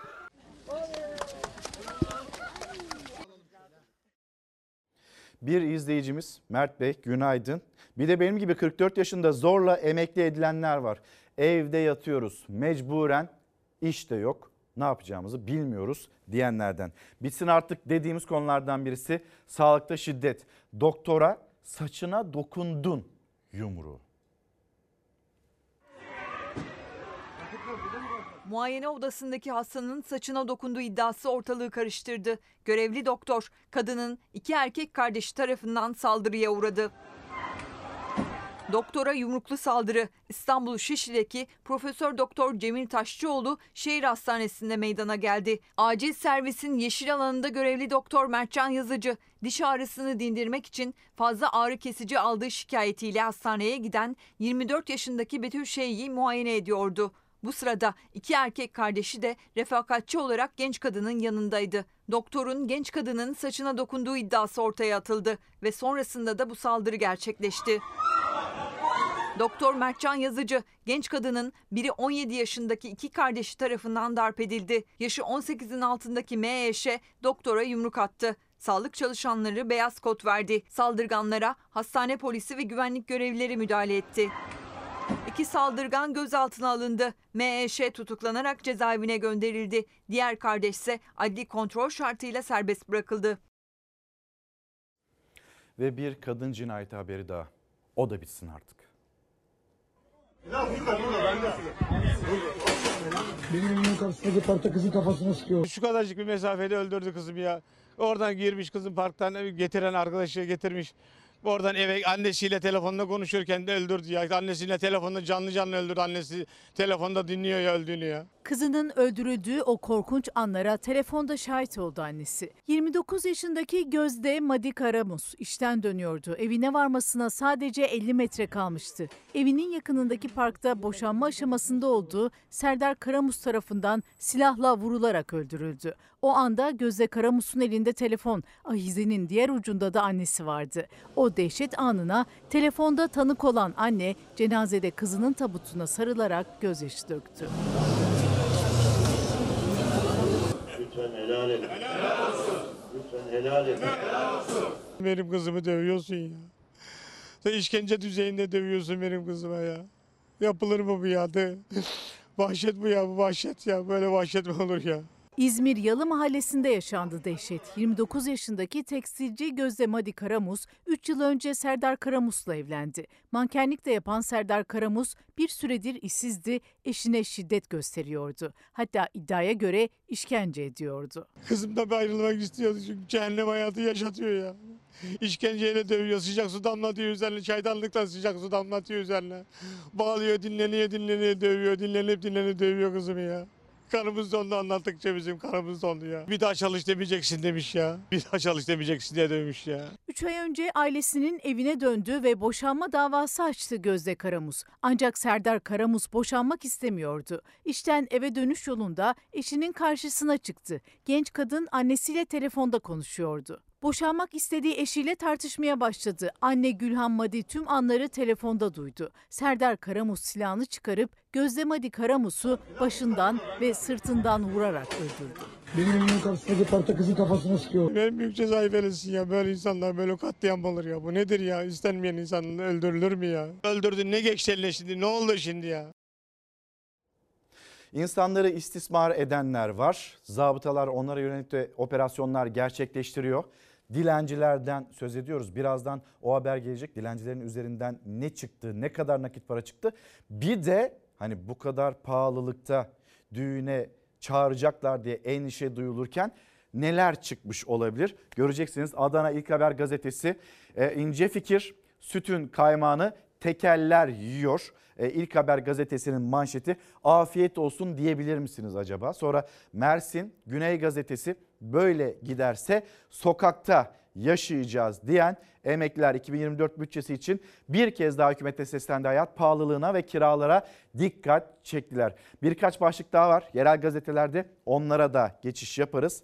Yalnız dilenciler ve üzerlerinden çıkanlara bir bakalım.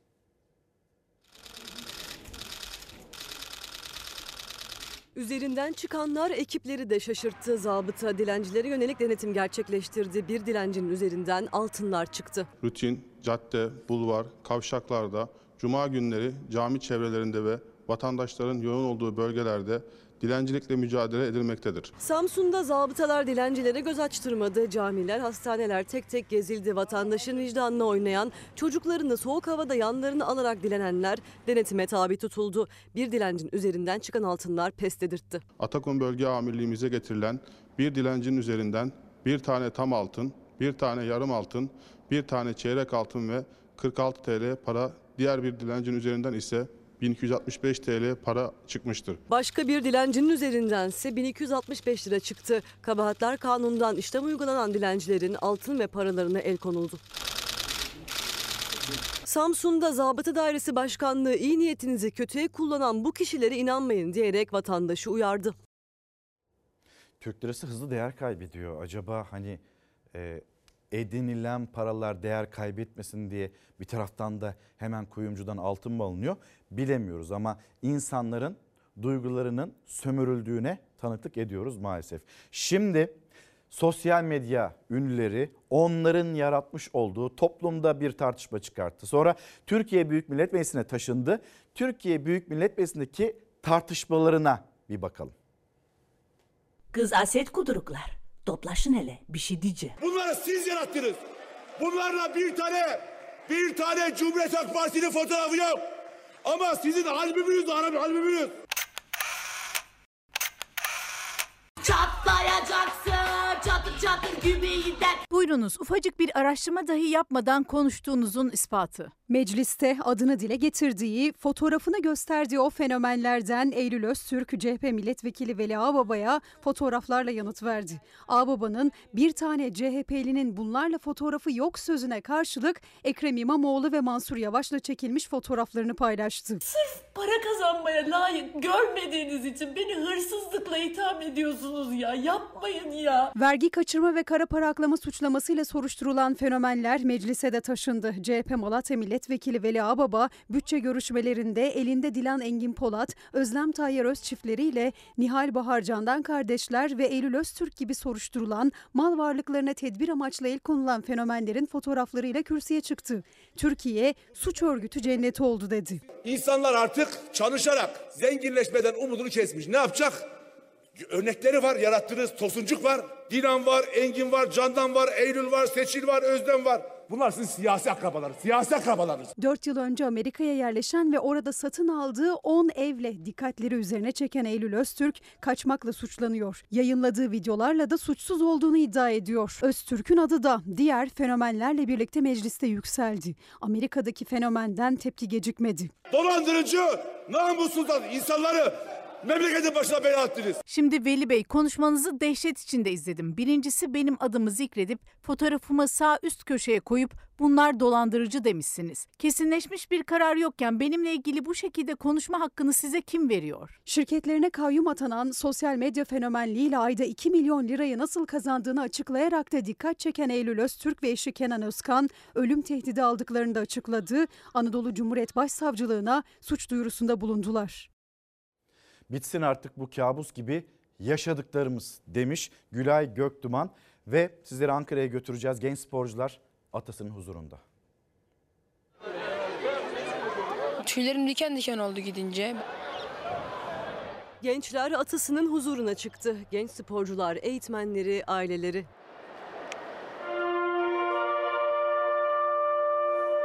Çok mutlu biz. Buraya gelmek, bu coşku, bu atmosferi yaşamak çok güzel. Herkes için, herkese teşekkür ediyorum. Yaklaşık 1700 kişilik bir heyetle Ulu Önder Atatürk'ü ziyaret etti Altınordu Spor Kulübü gençliği. Cumhuriyetimizle yaşıt kulübümüzün 100. yıl dönümünü atamızın huzurunda kutlamak çok büyük gurur verdi bize.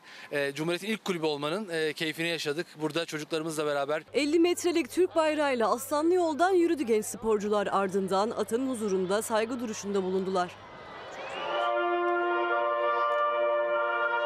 Hepsi birbirinden heyecanlıydı Cumhuriyet'in 100. yılında. Kulüplerinin kuruluş yıl dönümünde atalarının huzurunda olmaktan gururluydular. Benim de arkadaşım dediği gibi tüylerim diken diken olmuştu. 100. yılın heyecanını yaşamak beni çok mutlu etti. Hem atamızı ziyaret ettik hem de Cumhuriyetimizi kutladık. Bu sözlerse Ulu Önder Atatürk'ün emanetinin emin ellerde olduğunun göstergesiydi. Bağımsız yaşayalım, hür olalım. Fersen abi günaydın. Adana'ya da günaydın diyelim senin aracılığınla. Adana'da havalar e, son günlerde iyi gidiyor. Park, bahçelerde ve AVM'lerde her yerde emeklileri görebilirsiniz. Yere bakıp kara kara düşünürken o insanlar topluluğunu emekleri de ancak böyle görürsünüz diyor. Berna Hanım, Berna İçer selamlar. E, her gün sizi izliyoruz demiş. Çok sağ olun. Semiha Hanım'a da yani annenize de e, bizler de buradan sevgilerimizi gönderelim. Diyor ki annem dul yetim maaşı alıyor. Destek olmasak e, yaşam hakkı yok. 4600 lirayla nasıl geçinebilir zaten? Paylaşım bu şekilde. E, 78 yaşında bizim emeklilerimize e, vaat ettiğimiz hayat bu olabilir mi memleketimizde? Bir soru olarak karşımızda. Sonra bir izleyicimiz daha bitsin artık bu tütün üreticisinin çaresizliği. Bakayım isminiz var mı? Onda bakayım. Mustafa Bilgin bu mesajı paylaşıyor bizimle. Bir molaya gidelim hızlıca döneceğiz. Efendim bir kez daha günaydın. Çalar Saate nokta koyma vakti geldi. Yarın saatler 8'i gösterdiğinde biz yeniden burada olacağız. Türkiye'nin gündemiyle, sizin gündeminizle ve dünyanın gündemiyle elbette. Bu arada kitaplarımız var. Hemen hafta başında kitaplarımızı da göstermeye başlayalım bizler de. Tarih kırılıyor. Levent Özben'in kitabı Savaşta ve Saldırı altındayız. Sonra yeni medya haberciliği Ali Emre Dingin'in kitabı. Pruvaneta Özgen Biçkin yazdı. Bizimle paylaştı. Vatran Bir Karanlık Çağ hikayesi Saygın Sekiz Kardeşin kitabı. Denizlerin Can Dostu Ayfer Gürdal Ünal ve resimleyen de Doğan Gençsoy. Şöyle bir gösterelim Tırtıl Osman'ın Sualtı Macerası yine bizlere gelen kitaplar arasındaydı. Şimdi bununla da vedalaşalım. Kapatırken her zamanki gibi teşekkürüm sizlere. Bizi izlediğiniz için teşekkür ederiz. Ve yarın sabah bir aksilik olmazsa bizler buradayız. Sizleri de bekliyoruz. Hoşçakalın. Güzel bir gün, güzel bir hafta olsun olabildiğince.